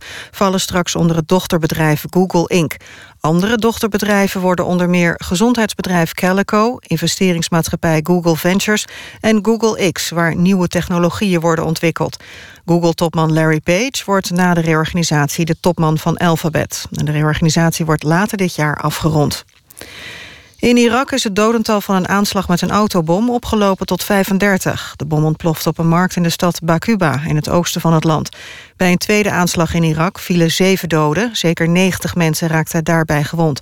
Beide aanslagen zijn opgeëist door terreurorganisatie Islamitische Staat. In de Amerikaanse stad Ferguson is de noodtoestand afgekondigd... nadat de herdenking van Michael Brown zaterdag was uitgelopen op rellen. Daarbij werd geschoten door de politie en demonstranten. Eén demonstrant die op de politie schoot is aangehouden en aangeklaagd. Nu de noodtoestand geldt, heeft de federale politie het voor het zeggen in Ferguson. De vrouw die werd doodgeschoten bij het Twee Steden ziekenhuis in Waalwijk... werkte in dat ziekenhuis op de afdeling plastische chirurgie. De vrouw van 28 werd om vijf uur in haar auto onder vuur genomen... door een onbekende man. De politie van Waalwijk heeft tot laat in de avond... naar de voortvluchtige man gezocht. De zoektocht gaat komende dag verder. Er komt een nieuw onderzoek naar de rol van de NS... bij de aanbesteding van het openbaar vervoer in Limburg. Het vorige onderzoek naar onregelmatigheden... werd gedaan door advocatenkantoor De Brouw... dat ook de huisadvocaat is van de NS. Minister Dijsselbloem twijfelt niet aan de integriteit van het advocatenkantoor... maar wil toch een second opinion van oud-ombudsman Brennick Meijer.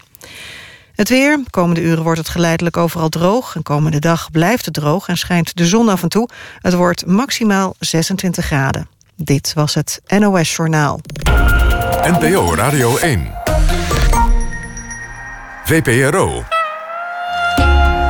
Nooit meer slapen.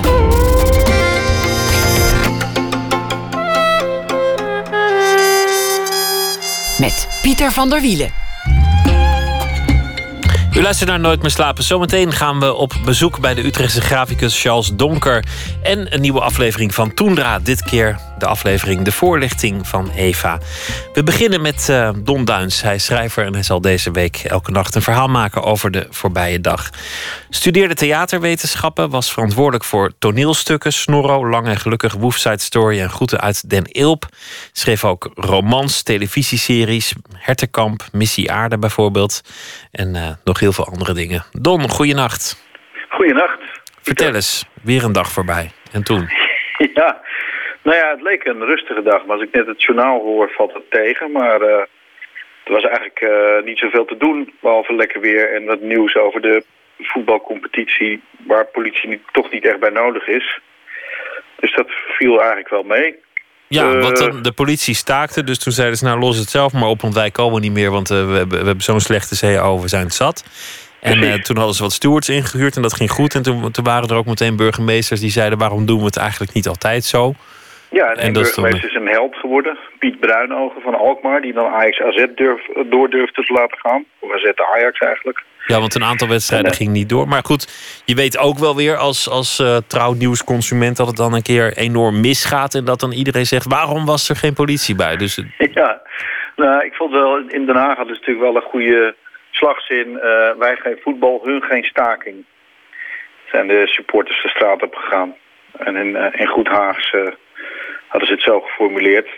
Maar Ja. goed, het, het, het leek een rustige dag, maar net hoor ik weer toch weer allemaal aanslagen. En, en die bizarre moord in, eh, op die arme vrouw van het ziekenhuis. Dat, eh, en nu hoorde ik net dat ze van, van de afdeling plastische chirurgie was. Dat, eh, dan zie je gelijk allemaal van die thriller... Ik heb misschien te veel Agatha Christie vroeger gelezen, maar dan denk ik Oh, je ziet- je ziet een, geopereerd en dan... Ja, je ziet een plot. Nou, laten we het rustig afwachten. Ik zie Er een komt, plot, ja.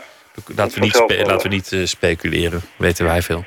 Nee, maar ja, als je schrijver bent, dan gebeurt het per ongeluk. Ja, dat is waar. Het is je beroep. Ik ben benieuwd welk verhaal je ehm, mee op de proppen komt. Het heet Naakt.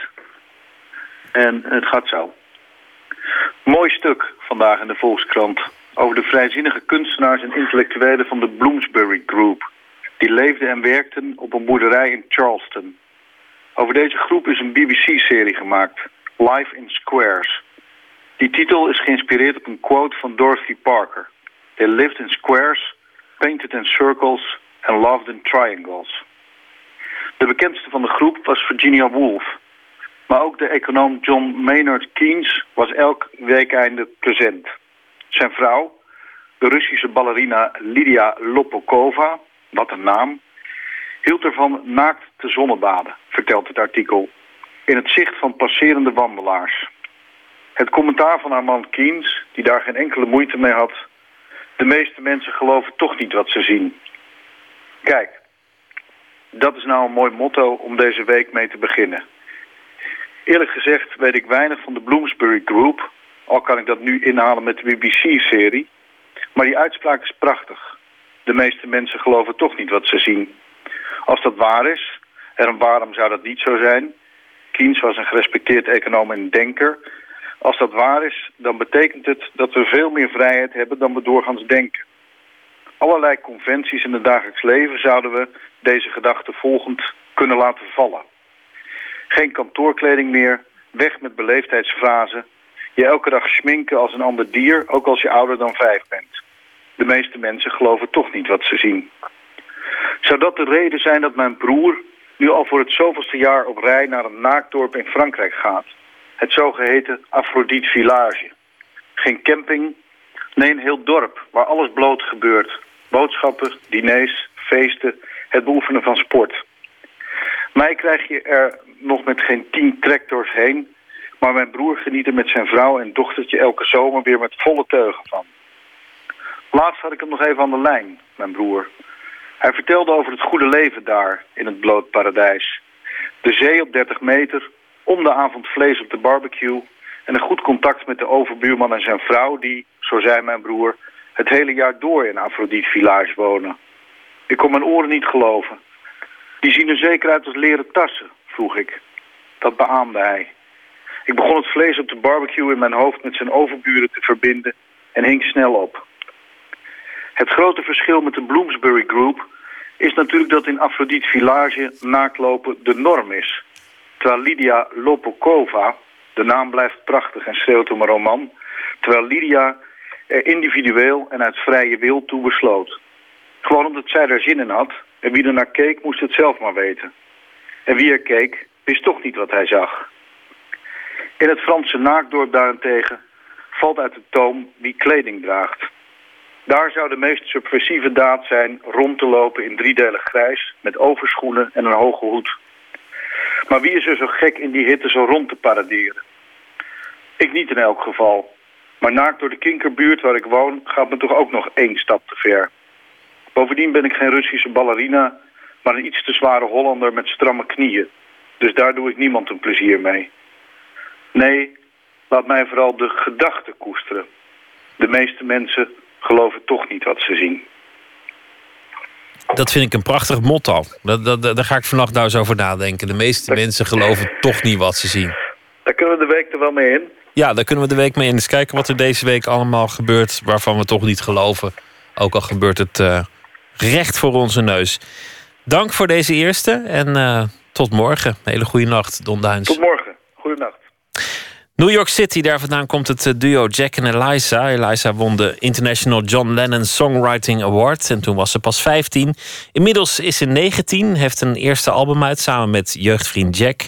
De titel van die plaat is Gentle Warnings en het nummer is Quarter Past the Hour. Hier zijn Jack en Eliza.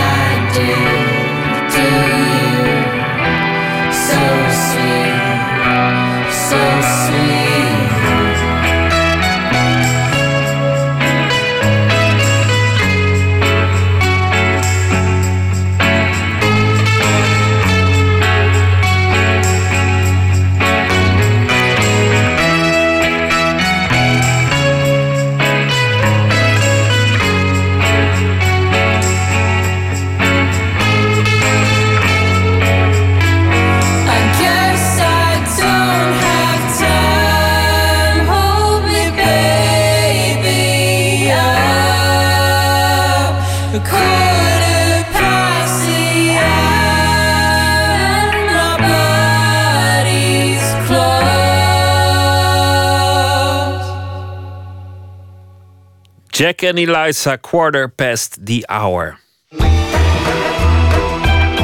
Nooit meer slapen. De natuur, dat is de favoriete plek van graficus Charles Donker. En het is ook uh, de belangrijkste inspiratie voor zijn werk. Momenteel te zien in Museum Oud en Weert bij Utrecht. Etsen van onder andere het landschap in de omgeving van dat museum. Hij heeft een atelier bij Fort Rijnauwen. En onze verslaggever Gijsbert van der Wal ging daar op bezoek. Dit is een oude boswachterswoning bij het fort uh, Rijnoude. En uh, dat is sinds jaren 72 atelier, mijn atelier geworden. Het doet me een beetje denken aan een kloostercel. Ja, het is wel, alles is eruit gehaald en leeggehaald. Uh, ja, het is heel eenvoudig, maar het is... Er is geen elektriciteit? Nee, er is hier geen gas en geen elektra, geen, geen water. Dus ja, je bent aangewezen op wat je voor andere mogelijkheden hebt. Nou, dat hout is hier prima te doen met de houtkachel. En elektriciteit, ja, ik heb het niet nodig. Het kan ook zonder. Nou ja, je werkt dus bij daglicht? Ja, het liefst bij daglicht, ja. En dit is een plek waar jij af en toe... Je, je woont in het centrum van Utrecht. Dit is even buiten Utrecht. Ja. Het is een uh, 20 minuten fietsen. En dat is een enorme goede onderbreking van de dag. Hierheen fietsen en dan hier aan het werk en dan s'avonds weer terug. Er liggen hier op tafel uh, etsplaatjes waarop je aan het tekenen bent. Er liggen schelpen en dennenappels. En dat zijn eigenlijk de onderwerpen die je tekent op die... Op het ogenblik zijn dat de onderwerpen waar ik mee aan de gang ben. Als dat er niet is, dan werk ik hier tekeningen uit die ik in het bos of in de omgeving heb gemaakt. Mhm. En dat is een eh, hele rustige plek om hier eh, voor dat raampje te zitten, zitten werken. En er zit een zwarte kat op tafel. Ja, er is een zwarte kat komen aanlopen. En eh, er komen hier altijd gekke beesten aanlopen. Het is ooit een jarenlang heeft er een zwarte kip gezeten en nu is er een zwarte kat. Maar dus de onderwerpen van je etsen, dat zijn, je zou kunnen zeggen, stillevens. In het geval van, van die schelpen die op tafel Ja. liggen en de dennenappels. Of het is het landschap hier in de Het omgeving. landschap in de omgeving, ja. Meestal als je die dingen maakt, dan moet je er nog wat aan doorwerken. En zo, dan doe ik, dat doe ik veel hier. En dan meestal, het grootste deel van de tijd zit ik hier in de winter. Want dan heb ik het beste licht. De ramen die zitten op het eh, noorden wel, maar er staan enorme eikenbomen voor dat huis. Die eh, natuurlijk zomers in blad zitten. En dan heb je een, eh, je hebt maar een hele kleine plek waar je goed op je plaat kan zien wat je doet. Want dat, je hebt heel veel licht nodig om een etsplaat goed te kunnen bekijken. Maar goed, in het moeilijkste geval ga ik gewoon met de tafel naar buiten zitten. Onder de boom. Dat gaat heel prima hoor. En ik zei, het lijkt een beetje een soort monnikscel. Dat werk aan zo'n etsplaat heeft natuurlijk ook iets... Het is ook een soort monnikswerk. Ja, je, ja, inderdaad. Je bent al uren bezig. En dan moet je niet te veel eh, gerommel om je heen hebben. Dan, eh, En dat is dus de reden, een van de redenen om hier te gaan zitten. Ja. En een andere reden is het landschap om, om, en het om ons heen. landschap, dat, eh, ja. ja. Dat al een jaar of veertig, zeker, Ja, een, een zeker, inspiratiebron is voor jouw Ja, werk. absoluut. Wat we gaan doen is, we beginnen hier bij Fort Rijnauwe... en we gaan lopen naar het landgoed Amelisweert... Ja. dat hier een beetje grenst aan Rijnauwe. En daar is een landhuis en daar heb je op dit moment een tentoonstelling. Ja. Zo gaan we het doen. Poes, tot straks. Tot straks, Cheryl. Hij zei iets terug. Kijk.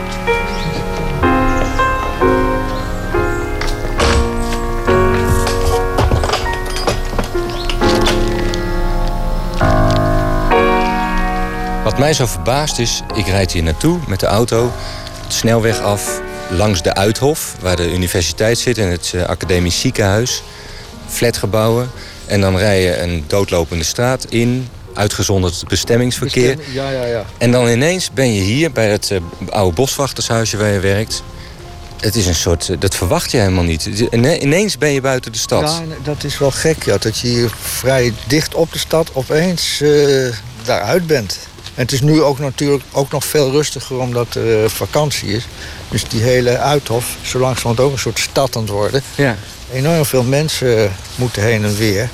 Maar nu is dat dus niet. Dus nu is helemaal ontzettend lekker rustig.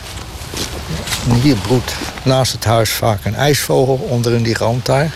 Ik hoor hem nu niet, maar misschien komt hij zo nog voorbij fladderen. Een ijsvogel? Een ijsvogel. Ik heb nog nooit een ijsvogel in het echt gezien. Nee, dan moet je een beetje... alleen van natuurdocumentaires. Ja, moet je een beetje geluk hebben. Maar als die er is, dan hoor je hem. Het is net zo'n eh, soort insect. Hij vliegt in een rechte lijn met hele snelle vleugelslag. Vlak over het water. En dan laat hij een langgerekte toon horen. Je wijst nu naar een plas.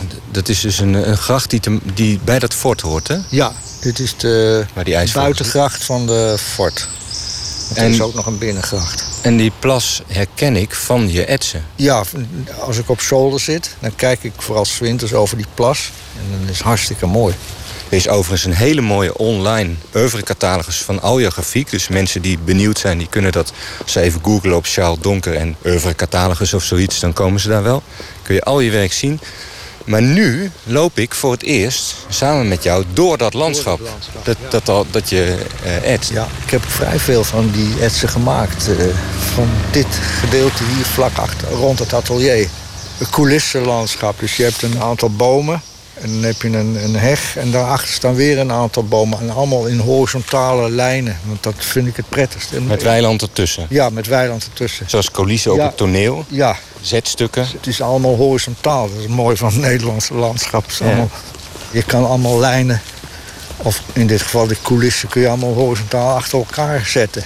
Ja. Dus dat je allemaal evenwijdige banen over zo'n tekening hebt lopen. En dat, dat vind ik... Nou ja, en voorgrond en achtergrond. Dus je hebt Ja, zo'n ja. baan op de voorgrond... en dan heb, ligt er een reep land tussen... en dan in de En verte heb je weer ver- ja. Kleinschalig landschap eigenlijk. Wel, heel- veel ruimte, Ja, het maar is heel kleinschalig, ja zeker. Ja.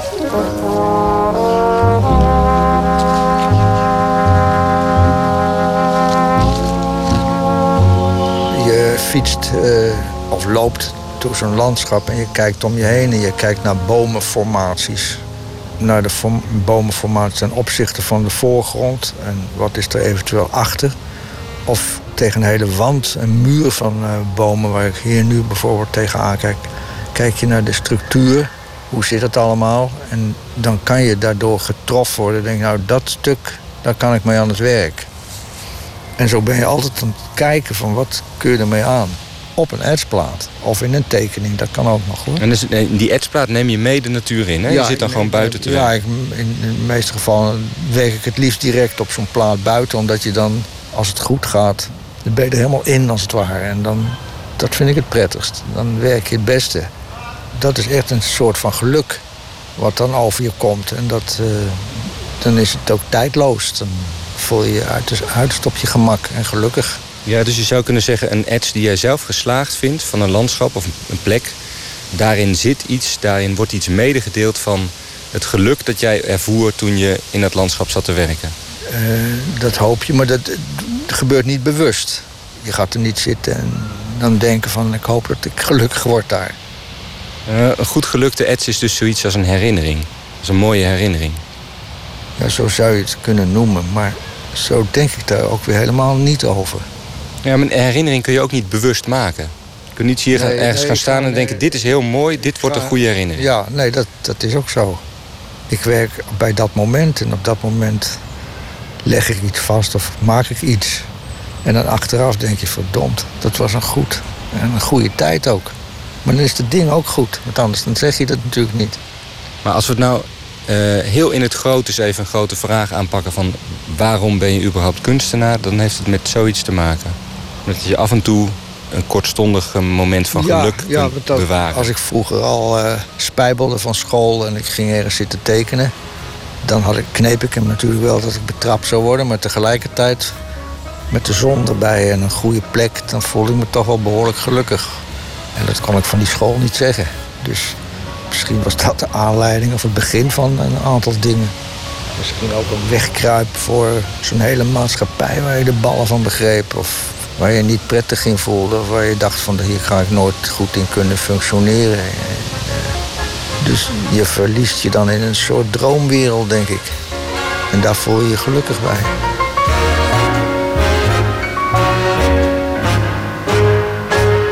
Hé, hey, we zijn er al. Ja, hier links is het. We lopen nu het bruggetje over en dan zien we het hier liggen. Dat is dus het Armando Museum. Dat wil zeggen, er worden tentoonstellingen meestal gemaakt met het werk van Armando. Maar op dit moment is dat werk van Armando gecombineerd met werk van Sjoerd Buisman, beeldhouwer en etsen van jou. En eh, mijn werk, ja. Goedemiddag.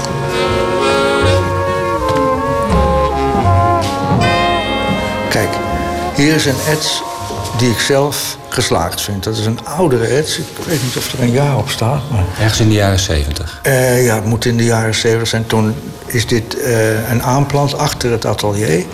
Die langzaam begint op te stijgen. En in de verte is nog een rest te zien van die eh meidoornhecht die langs de Kromme Rijn loopt. Maar een aanplant die begint op te stijgen, dat is een beetje cryptisch uitgedrukt. Ja, nou ja, een aanplant die langzaam... Ze blijven wel met de voeten in de aarde Ze staan. blijven, ja, ze blijven staan. Maar aanplant jonge bomen dus. Jonge, jonge bomen. En nu kun je er helemaal niks meer doorheen zien. Maar je ziet hier nog in de verte een, eh, een eik en nog wat eiken en misschien een beuk. Die zijn heel wazig weergegeven. Dus die zie je er nog bovenuit steken, omdat het jonge aanplant Ja, is. omdat- ja, en in de voorgrond was er een, een, een begroeiing in die aanplant van, eh, van hop met hopbellen. Een hopplant die heeft hele mooie decoratieve bladeren. Maar in de herfst komen daar een soort bolletjes in. Die lichter zijn dan de, dan de bladeren. En die beginnen dan op te vallen in zo'n structuur van dat struikgewas. En dan komen er allemaal lichte spikkels als het ware in. Er komt zo'n luchtbelletjes door, de, Ja, door die aan, ja, ja, aanplant zoiets- heen. Zoiets dergelijks. En Wat ik er mooi aan vind, is dat hij... eh, je zou kunnen zeggen dat hij tamelijk saai is. Een soort warboel van takken en het is bla- een blaadjes. warboel, Ja. Eh, maar het is nergens saai op deze nee, het is- nee, dat, is nou net eh, moeilijk om het zo te krijgen. Dat het niet een, dat er saaie grijze plekken in komen. Mhm. En dat is hier niet gebeurd. Overal heeft het een Het levendigheid. zit overal zit de beweging en Eigenlijk zoals de natuur dat Zoals- zelf ook zoals- heeft als je, er, Ja. als je erin zit. Als je erin zit, ja, er is nergens saai eigenlijk. Nee, dus je gaat zitten kijken en dan zie je Ja. steeds meer. Hé, daar zitten andere vormtakjes, daar zitten Ja. andere vorm, daar valt het licht op die en die manier doorheen. Dan heb je dus inderdaad nog die bellen van die hop. Maar de moeilijkheid is dus om dat dan net zo levendig en vibrerend... houden. En zeker met zwart-wit en eh, getekend kan het heel gauw een vreselijk saaie boel worden. En dan, eh, dan is het fout. Heel winters dingen eigenlijk, hè? Eind van het jaar, ja, absoluut. Ja. Een beetje vochtig en Je ruikt hem bijna, die ets. bijna. Ja. Nee, en dan die vage eh, kruinen van die eh, eiken in de verte. Ja, helemaal zoals dat achter het atelier is. Dat is 's winters is dat hartstikke mooi. Nou, dat is hier dan, heb ik hier op voor elkaar gekregen. Hebbes. Hebbes, ja. Gijsbert van der Wal in gesprek met de Utrechtse tekenaar en graficus Charles Donker. Werk van hem is eh, te zien tot en met 27 september in eh, Museum Oud Amelis Weert, vlakbij Utrecht. De tentoonstelling heet Natura Artis Magistra. En als u het eh, lekker makkelijk wilt, dan kunt u het volledige oeuvre van Charles Donker tot 2013 online bekijken in een catalogus, gepubliceerd door het Rijksbureau voor Kunsthistorische Documentatie, samen met het Rijksmuseum in Amsterdam. In 2011 hoorden we haar voor het eerst. Het eh, iets wat lijzige, maar toch intrigerende stemgeluid van Lana Del Rey. Haar single Video Games ging over eh, de simpele dingen des levens. Het kijken naar je vriendje die een spelletje speelt. Het werd een eh, reusachtige hit. Hier is Lana Del Rey met Video Games.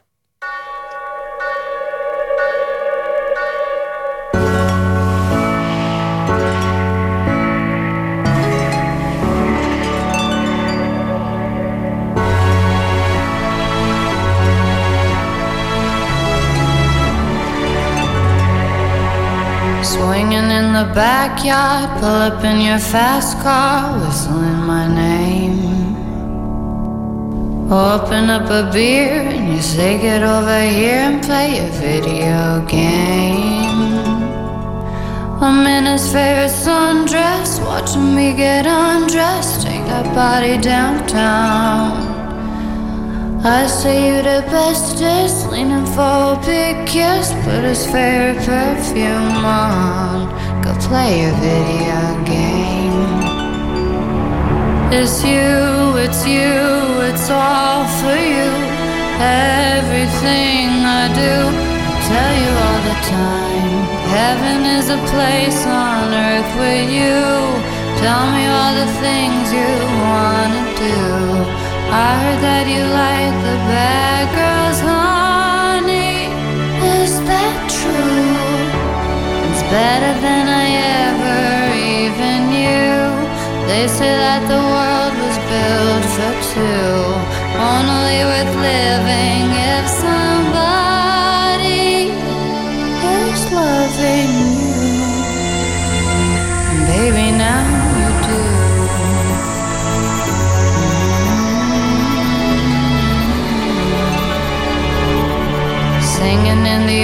bars, swinging with the old stars, living for the fame. Kissing in the blue dark, playing and wild dots, video games. He holds me in his big arms, drunk and I am seeing stars. This is all I think of. Watching all our friends fall in and out of old clothes. This is my idea of fun. Playing video games. It's you, it's you, it's all for you. Everything I do, I'll tell you all the time. Heaven is a place on earth with you. Tell me all the things you wanna do. I heard that you like the bad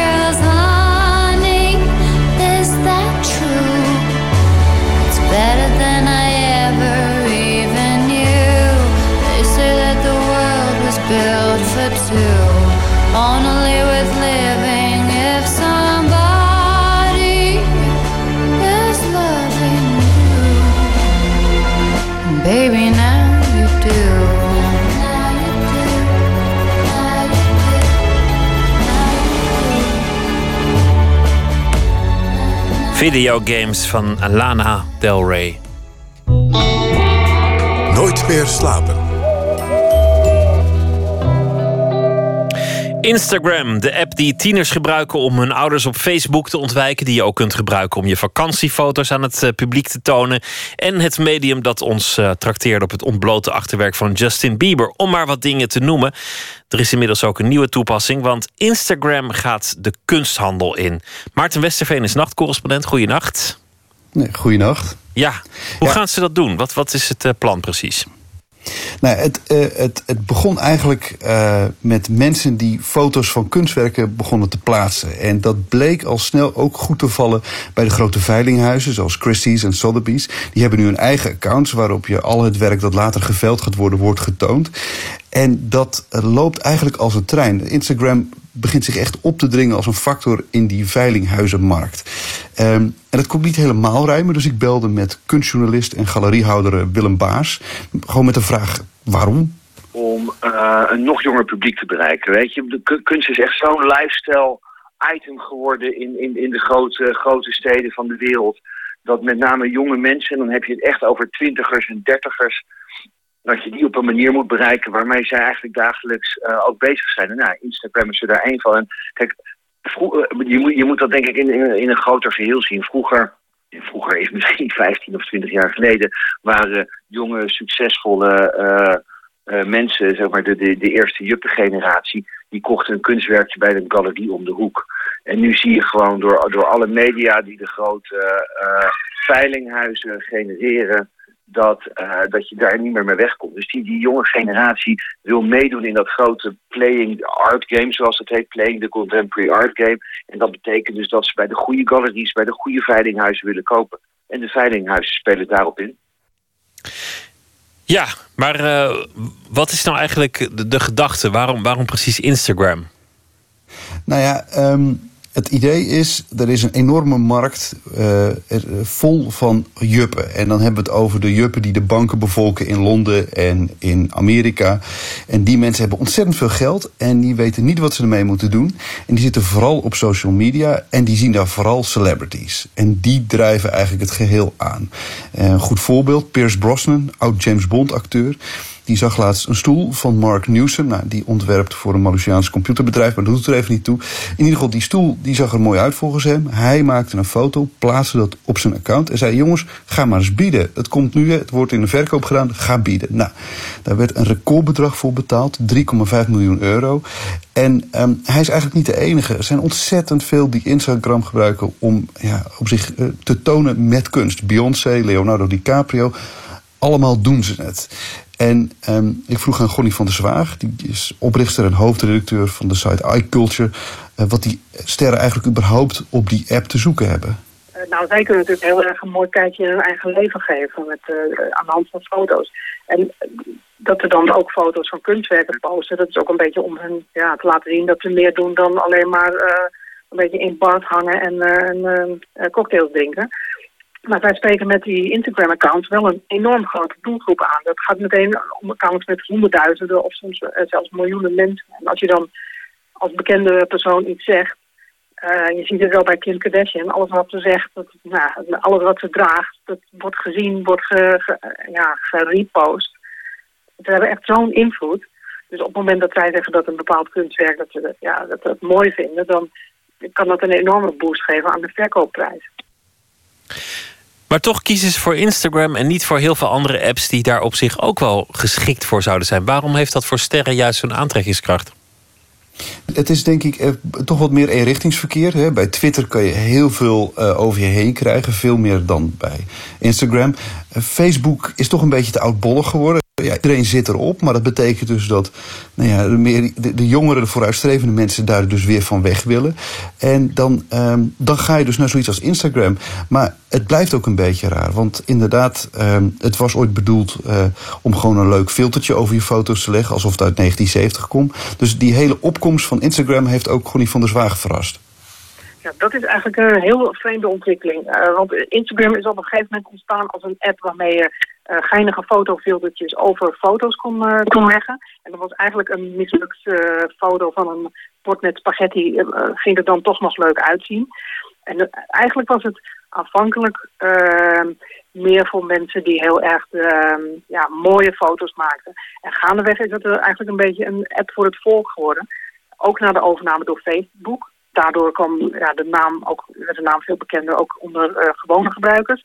En nu is het eigenlijk weer een plek geworden waar iedereen zijn fotootjes, of het nou mooi of lelijk is. Ja, het is eigenlijk een soort fotorol voor, eh, voor iedereen, waar, waarbij andere mensen mogen meekijken. Nou hebben we het nog niet echt over, over kunst gehad. Want, want op welke manier zal dit een, een rol spelen in kunst? Gaat dit de smaak bepalen? Gaat dit bepalen welke werken populair worden? Ja, ehm, nou, ik zou daar maar niet per se al te veel van verwachten. Tenminste, uh, wat celebrities mooi vinden zal uh, bepalender worden. Ehm, ik vroeg het ook aan Willem Baas. Hè, die heeft een eigen galerie, is kunsthistoricus. En ja, ik vroeg hem ook, ja, wat heeft dit nou eigenlijk met smaak te maken? Komt smaak er überhaupt bij kijken? Hoeveel smaak komt daarbij kijken? Ja, dat is, dat is een lastige vraag. Weet je, ik bedoel, het gaat natuurlijk veel om image. Het gaat om status. Het gaat allemaal om dat soort, dat soort uh, sociologische termen. En uh, smaak, ja, weet je, het is er meer de, het, bij, het, erbij horen. En allicht, hè, bedoel, even, dan neem ik een stap terug als kunsthistoricus. Allicht zitten daar natuurlijk ook goede dingen en interessante dingen tussen. Maar het, is vaak, het gaat vaak over jonge kunst. Hè. Ik bedoel, als je het artikel van de New York Times ook leest, het gaat over toch over kunst ook zeg maar in de prijsklasse tot 20.000 dollar, 30.000 dollar. Dat is ook zeg maar de prijsklasse die, die interessant is, zeg maar bij spreken voor het internet, om dat via internet te doen, via, via de, het wereldwijde web. En, en ja, ik bedoel, daar zit natuurlijk heel veel rotzooi tussen. En daar zitten natuurlijk ook goede dingen tussen. Dus, dus wat is smaak in deze?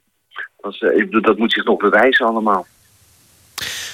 Hoe zal het in Nederland straks gaan? Gaan we dat hier ook merken? Dat, dat de kunsthandel zich langzaam uh, voor een deel verplaatst naar Instagram... en daar ook probeert te profiteren van een soort celebrity cultuur? Uiteindelijk krijgen we natuurlijk alles hier uh, op onze nek wat er in Amerika gebeurt. Uh, bijna alles in ieder geval. Uh, en ook ik zag al allemaal nachtmerries voor me. rampscenario's waarbij Paul de Leeuw straks Rien Poortvliet's oeuvre in de etalage gaat zetten. Maar Willem Baas bleef sceptisch. En wij hier in Amsterdam zitten daar een beetje buiten. Dat moeten we ook niet erg vinden. Anders, zodat wel erg dan moeten we met z'n allen verhuizen. Nou, dat zullen Rotterdammers leuk vinden om te horen. Oh ja, of Rotterdammers. Wat voor Amsterdam geldt, geldt natuurlijk in deze voor Rotterdam, voor Eindhoven en voor Groningen. Wij zijn als geheel de periferie. En, en, en, en dit soort hele snelle ontwikkelingen die, of, of, snel in ieder geval, dit soort, dit soort uh, ontwikkelingen die, die in Londen en New York en, en Parijs plaatsvinden. Ja, die, dat zal nog wel even duren voordat dat hier wortel schiet.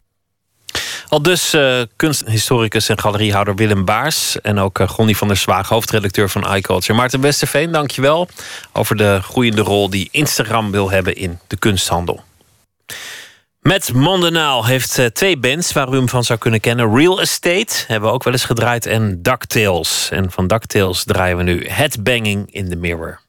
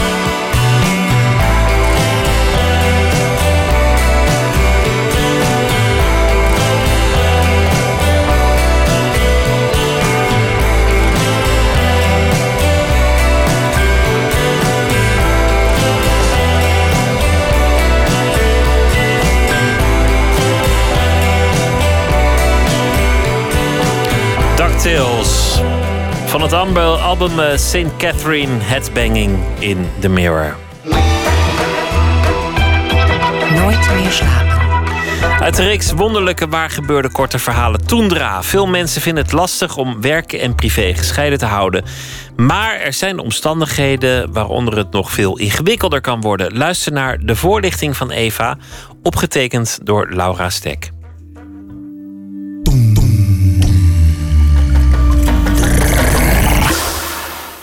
Oké, hoe moet ik dat zeggen?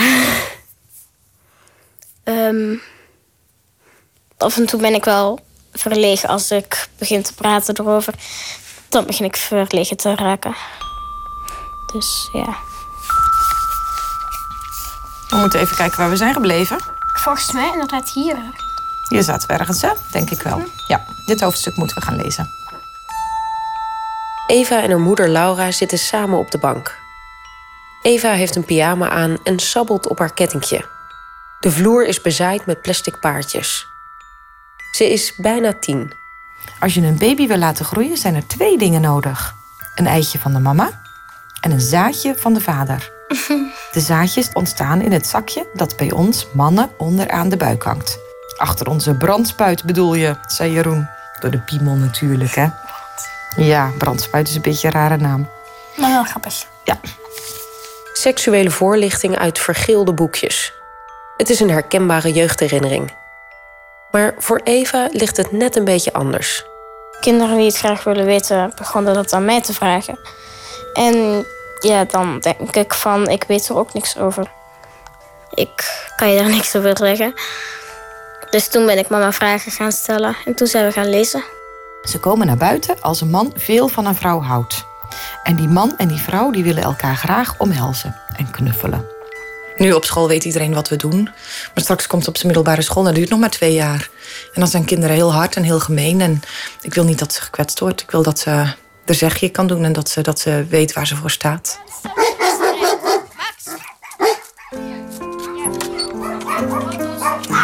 Eva woont in een klein houten huis iets onder Antwerpen. Ik heb een boom met nu achterin in het bos. Wel leuk dus. Ze woont samen met de enorme herder Max, twee kleine chihuahuas, een troepje kippen en haar van oorsprong Nederlandse ouders Laura en Maurice. Ik zeg gewoon, ze hebben een beroep waar ze blij mee zijn. Daar verdienen ze centjes mee. Ze mogen zelf kiezen wat hun beroep is. Voor de rest kan ik er niks over vertellen. Evaatje, ik ben heel eventjes op de computer bezig. Als je nu binnen wil komen, moet je eventjes kloppen. Kan dat? Dankjewel. Duurt maar eventjes. Eh, even kijken, kan je een stukje laten zien. Dit is Clitoortje. Ik kijk of dat ze geschikt zou kunnen zijn in de film. En dan is het ook belangrijk dat ze nog wat tekst kunnen uitspreken. Plus ze moeten nog zo'n gevoel hebben voor seks... dat de man ook nog klaar kunnen komen. Maurice en ik hebben een keer op iemand zitten wachten in de duinen in Knokken. In de kou. En als je dan anderhalf uur moet wachten tot iemand eindelijk weer eens een keer een stijve krijgt en klaar kan komen, ja, dat is niet leuk. oh, even wachten, Eva. Ja, schat. Laura en Maurice doen verschillende dingen in de seksbranche. Maar sinds kort is de harde schijf nog het enige werk dat thuis te vinden is.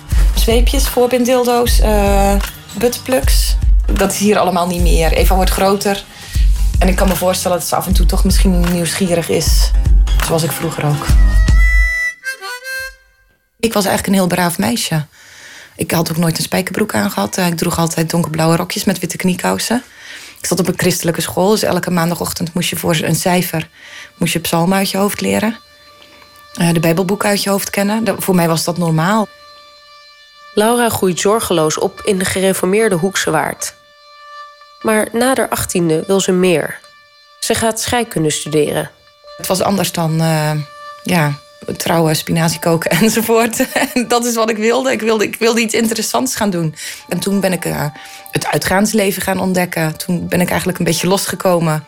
Eh, en ik ben ook nooit meer teruggegaan naar de Hoekse Waard. Zou dat ook niet meer willen. Na haar studie werkt ze bij TNO en als manager van een uitzendbureau. Ik viel toen standaard op foute mannen. Maurice was fout. Hij was eh, eh, stoer, recalcitrant. eh, gebruind, had van die lekkere armen, charmant. Ik ben gewoon hopeloos verliefd op hem geworden. Ja. Maurice is investeerder en eigenaar van een stripclub. Er is alleen één probleempje. Maurice is nog getrouwd en Laura doet niet aan getrouwde mannen. Ze zien elkaar vijf jaar niet.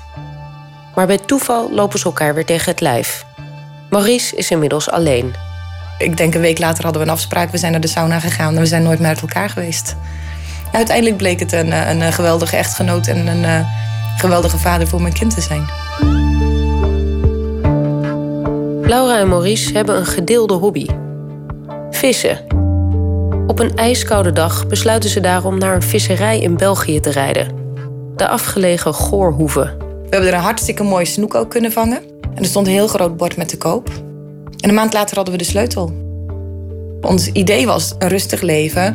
Wij wilden geen kinderen, we zouden ook niet gaan trouwen. We zouden gewoon lekker genieten van elkaar, van het leven. En tussendoor zouden wij onze, onze tavernevisserij op de Goorhoeve runnen. Maar dat is iets anders gelopen. Ah, dat is papa. Hallo, schatteke. Hallo, ben je klaar? Oh, dat is mooi. Helemaal goed. Het is prachtig weer. We zitten net naar een casting van Scarlett te kijken met geluid. Oké. Ja? Ik zie je zo. Dag. Op de Goorhoeve, zo heette het al, gaan de zaken goed. In de zomer althans. Want in de winter zijn er weinig inkomsten en de onderhoudskosten zijn hoog. Omdat Maurice al eerder een stripclub gerund had, denken ze opeens een oplossing te hebben. Wij gaan paaldansavonden doen. En dan hielden we een stripavond waarbij meisjes gewoon in bikini dansten. Dan kon je 5 euro in het broekje uh, stoppen. En, en je kon een lapdance kon je doen. Uh, ons café had nog nooit zo vol gezeten. Dat was echt bizar. Toen zagen we na die eerste keer van ja, nu hebben we op één avond hebben we net zoveel omzet als anders in een hele maand. Plus, wij merkten zelf van hé, hey, hier zijn we veel meer voor geschikt dan het serveren van koffietjes. Op een erotica-beurs ontmoeten ze Eddie Lipstick, de godvader van de Vlaamse porno. Hij stelt voor om het uit te breiden met swingersavonden. Overal waren mensen bezig met van alles en nog wat. We moesten regelmatig doekjes met Dettol over, de, over het barblad uh, heen vegen. Om alles nog een beetje schoon te houden. om een beetje netjes te houden. Vrijdagavond hadden we dan nog een, een erotisch caféavond. Zaterdagochtend om, om 6, 7 uur stond Maurice uh, bij wijze van spreken de condooms van de parkings op te rapen. En moest snel, het podium moest afgebroken worden. Want de jagers en de rattenvangers kwamen om 8 uur bij ons koffie drinken. En die mochten daar niks van, van merken.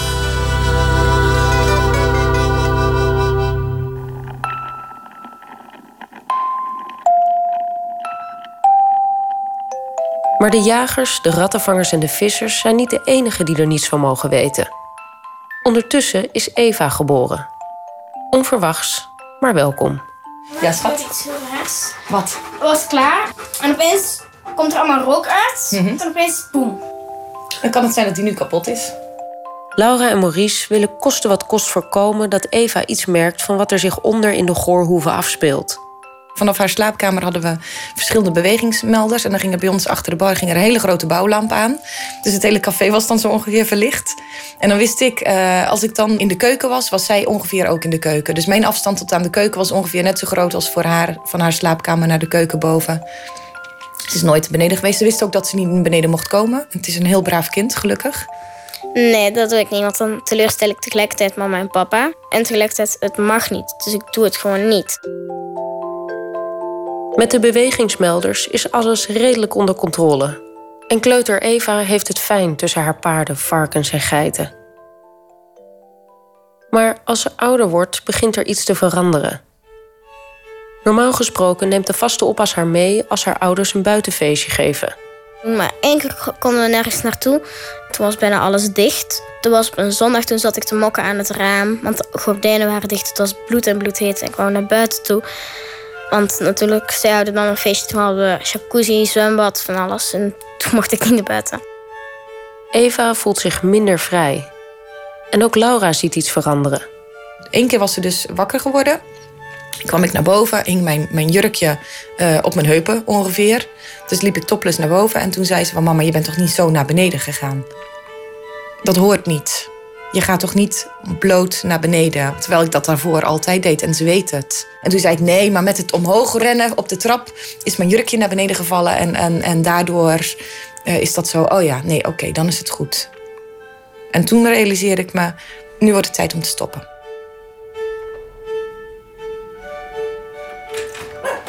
Oh, helemaal super. Kom binnen. Welkom, meneer. Dank u, dank u. Het is eind van de middag en vader Maurice komt thuis. Het is een gezamenlijke beslissing die we genomen hebben. En eh, bij mij gaat mijn dochter altijd voor. Het is klaar en duidelijk gewoon. Nou, dat mag zien hoor. Nee. Ze besloten de goorhoeven te verkopen. En Laura, Maurice en Eva zijn inmiddels verhuisd. Zo'n 15 kilometer verderop. Naar een bezemkast. Ik ben er eigenlijk nu na twee jaar pas een beetje aan gewend. We hebben heel weinig rente, maar we kunnen ermee leven. Nu zijn werk en privé meer gescheiden. En het effect is zichtbaar. Bijvoorbeeld in Eva's toekomstdroom. Ik zou graag ofwel paardenarts worden, zeg maar. Of ehm, ik zou een eigen manege willen hebben. Het is vroeger paaldanseres of eh, dierenarts. En nu is het eigenlijk alleen dierenarts of paardrijjuf overgebleven. Laura en Maurice zijn ook andere werkzaamheden erbij gaan doen. Maar hun oude carrière helemaal opgeven, dat doen ze niet. Wij organiseren nog steeds af en toe swingersfeestjes. Eh, ik organiseer nog regelmatig gangbangs. En films doen we met momenten. Zoals veel ouders zoeken Laura en Maurice naar de juiste balans tussen werk en gezin. Ze willen het beste voor hun kind zonder carrière en passies op te geven. Bij elkaar willen blijven wonen. En ze willen hun dochter beschermen en haar tegelijkertijd voorbereiden op het volwassen leven. elkaar toe. Ze kussen elkaar, ze knuffelen, ze houden elkaar heel vast. En zo vast dat het lid van de man in de schede van de vrouw komt. Wij zijn er bewuster mee bezig. Met wat kan ze wel eh, zien, wat kan ze niet zien. Wat kunnen we wel zeggen, wat kunnen we niet zeggen. Dat zij daar op een normale manier mee om... Daar hopen we in ieder geval. Dat ze er op een normale manier mee om leert gaan. Je weet wel, hè? Dan gaat je achter de plasser, niet de plasser zelf. Ik heb nog een paar vragen, zomaar. pff, ik denk iets van vijf vragen, maar volgens mij komt het wel allemaal in het boek terecht, want we zijn nog niet over de helft van het boek. En als je nu het boekje uit hebt, dan weet je misschien wel iets meer. Ga je dan wel de klasgenootjes daarover vertellen of dan hou je het voor jezelf? Ik hou het gewoon voor mezelf, want ik denk van de ouders mogen zelf wel kiezen wanneer dat ze het vertellen aan hun kinderen. Dat denk ik eerlijk gezegd.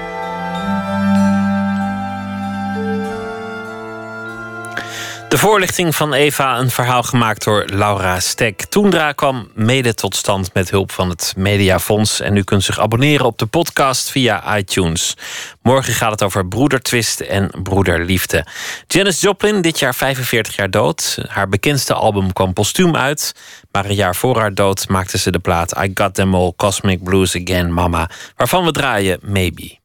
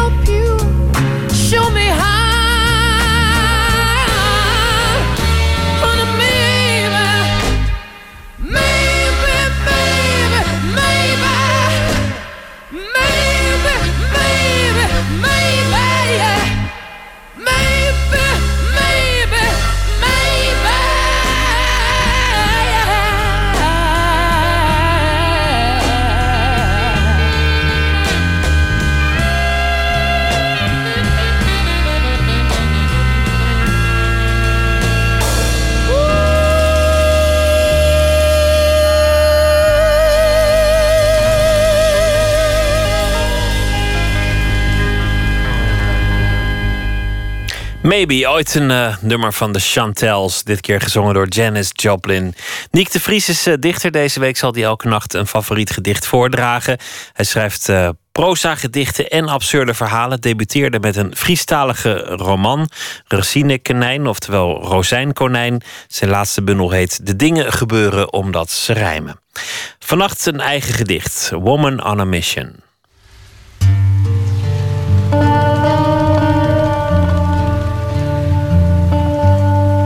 Ik maak eh, zogenaamde proza-gedichten.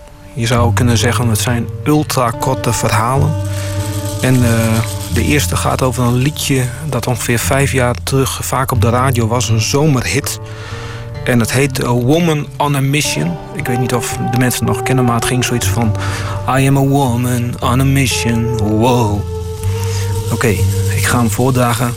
Woman on a Mission. Het was de zomer van 2010. Steeds hoorde ik een liedje op de radio en op de televisie. I am a woman on a mission. Het klonk prachtig en vol overtuiging. De zangeres zag er ook goed uit. Maar hoe vaak ik het liedje ook hoorde, ik kon niet precies uitvinden waar de missie nou eigenlijk naartoe ging. Ik zocht de tekst op op internet. Maar eerlijk gezegd had ik nog steeds geen idee. Ik stond op het punt om een grote hekel aan het liedje te krijgen.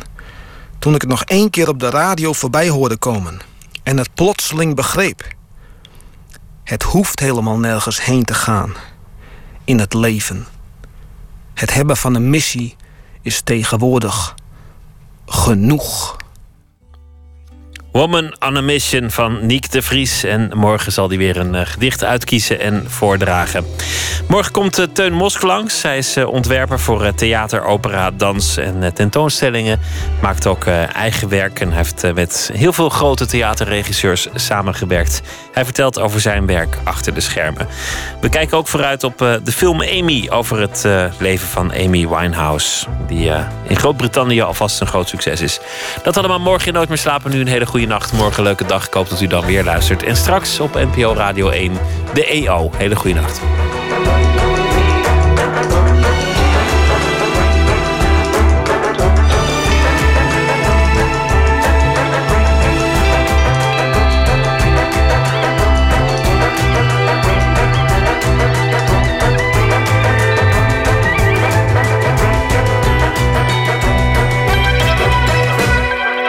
Radio 1, het nieuws van alle kanten.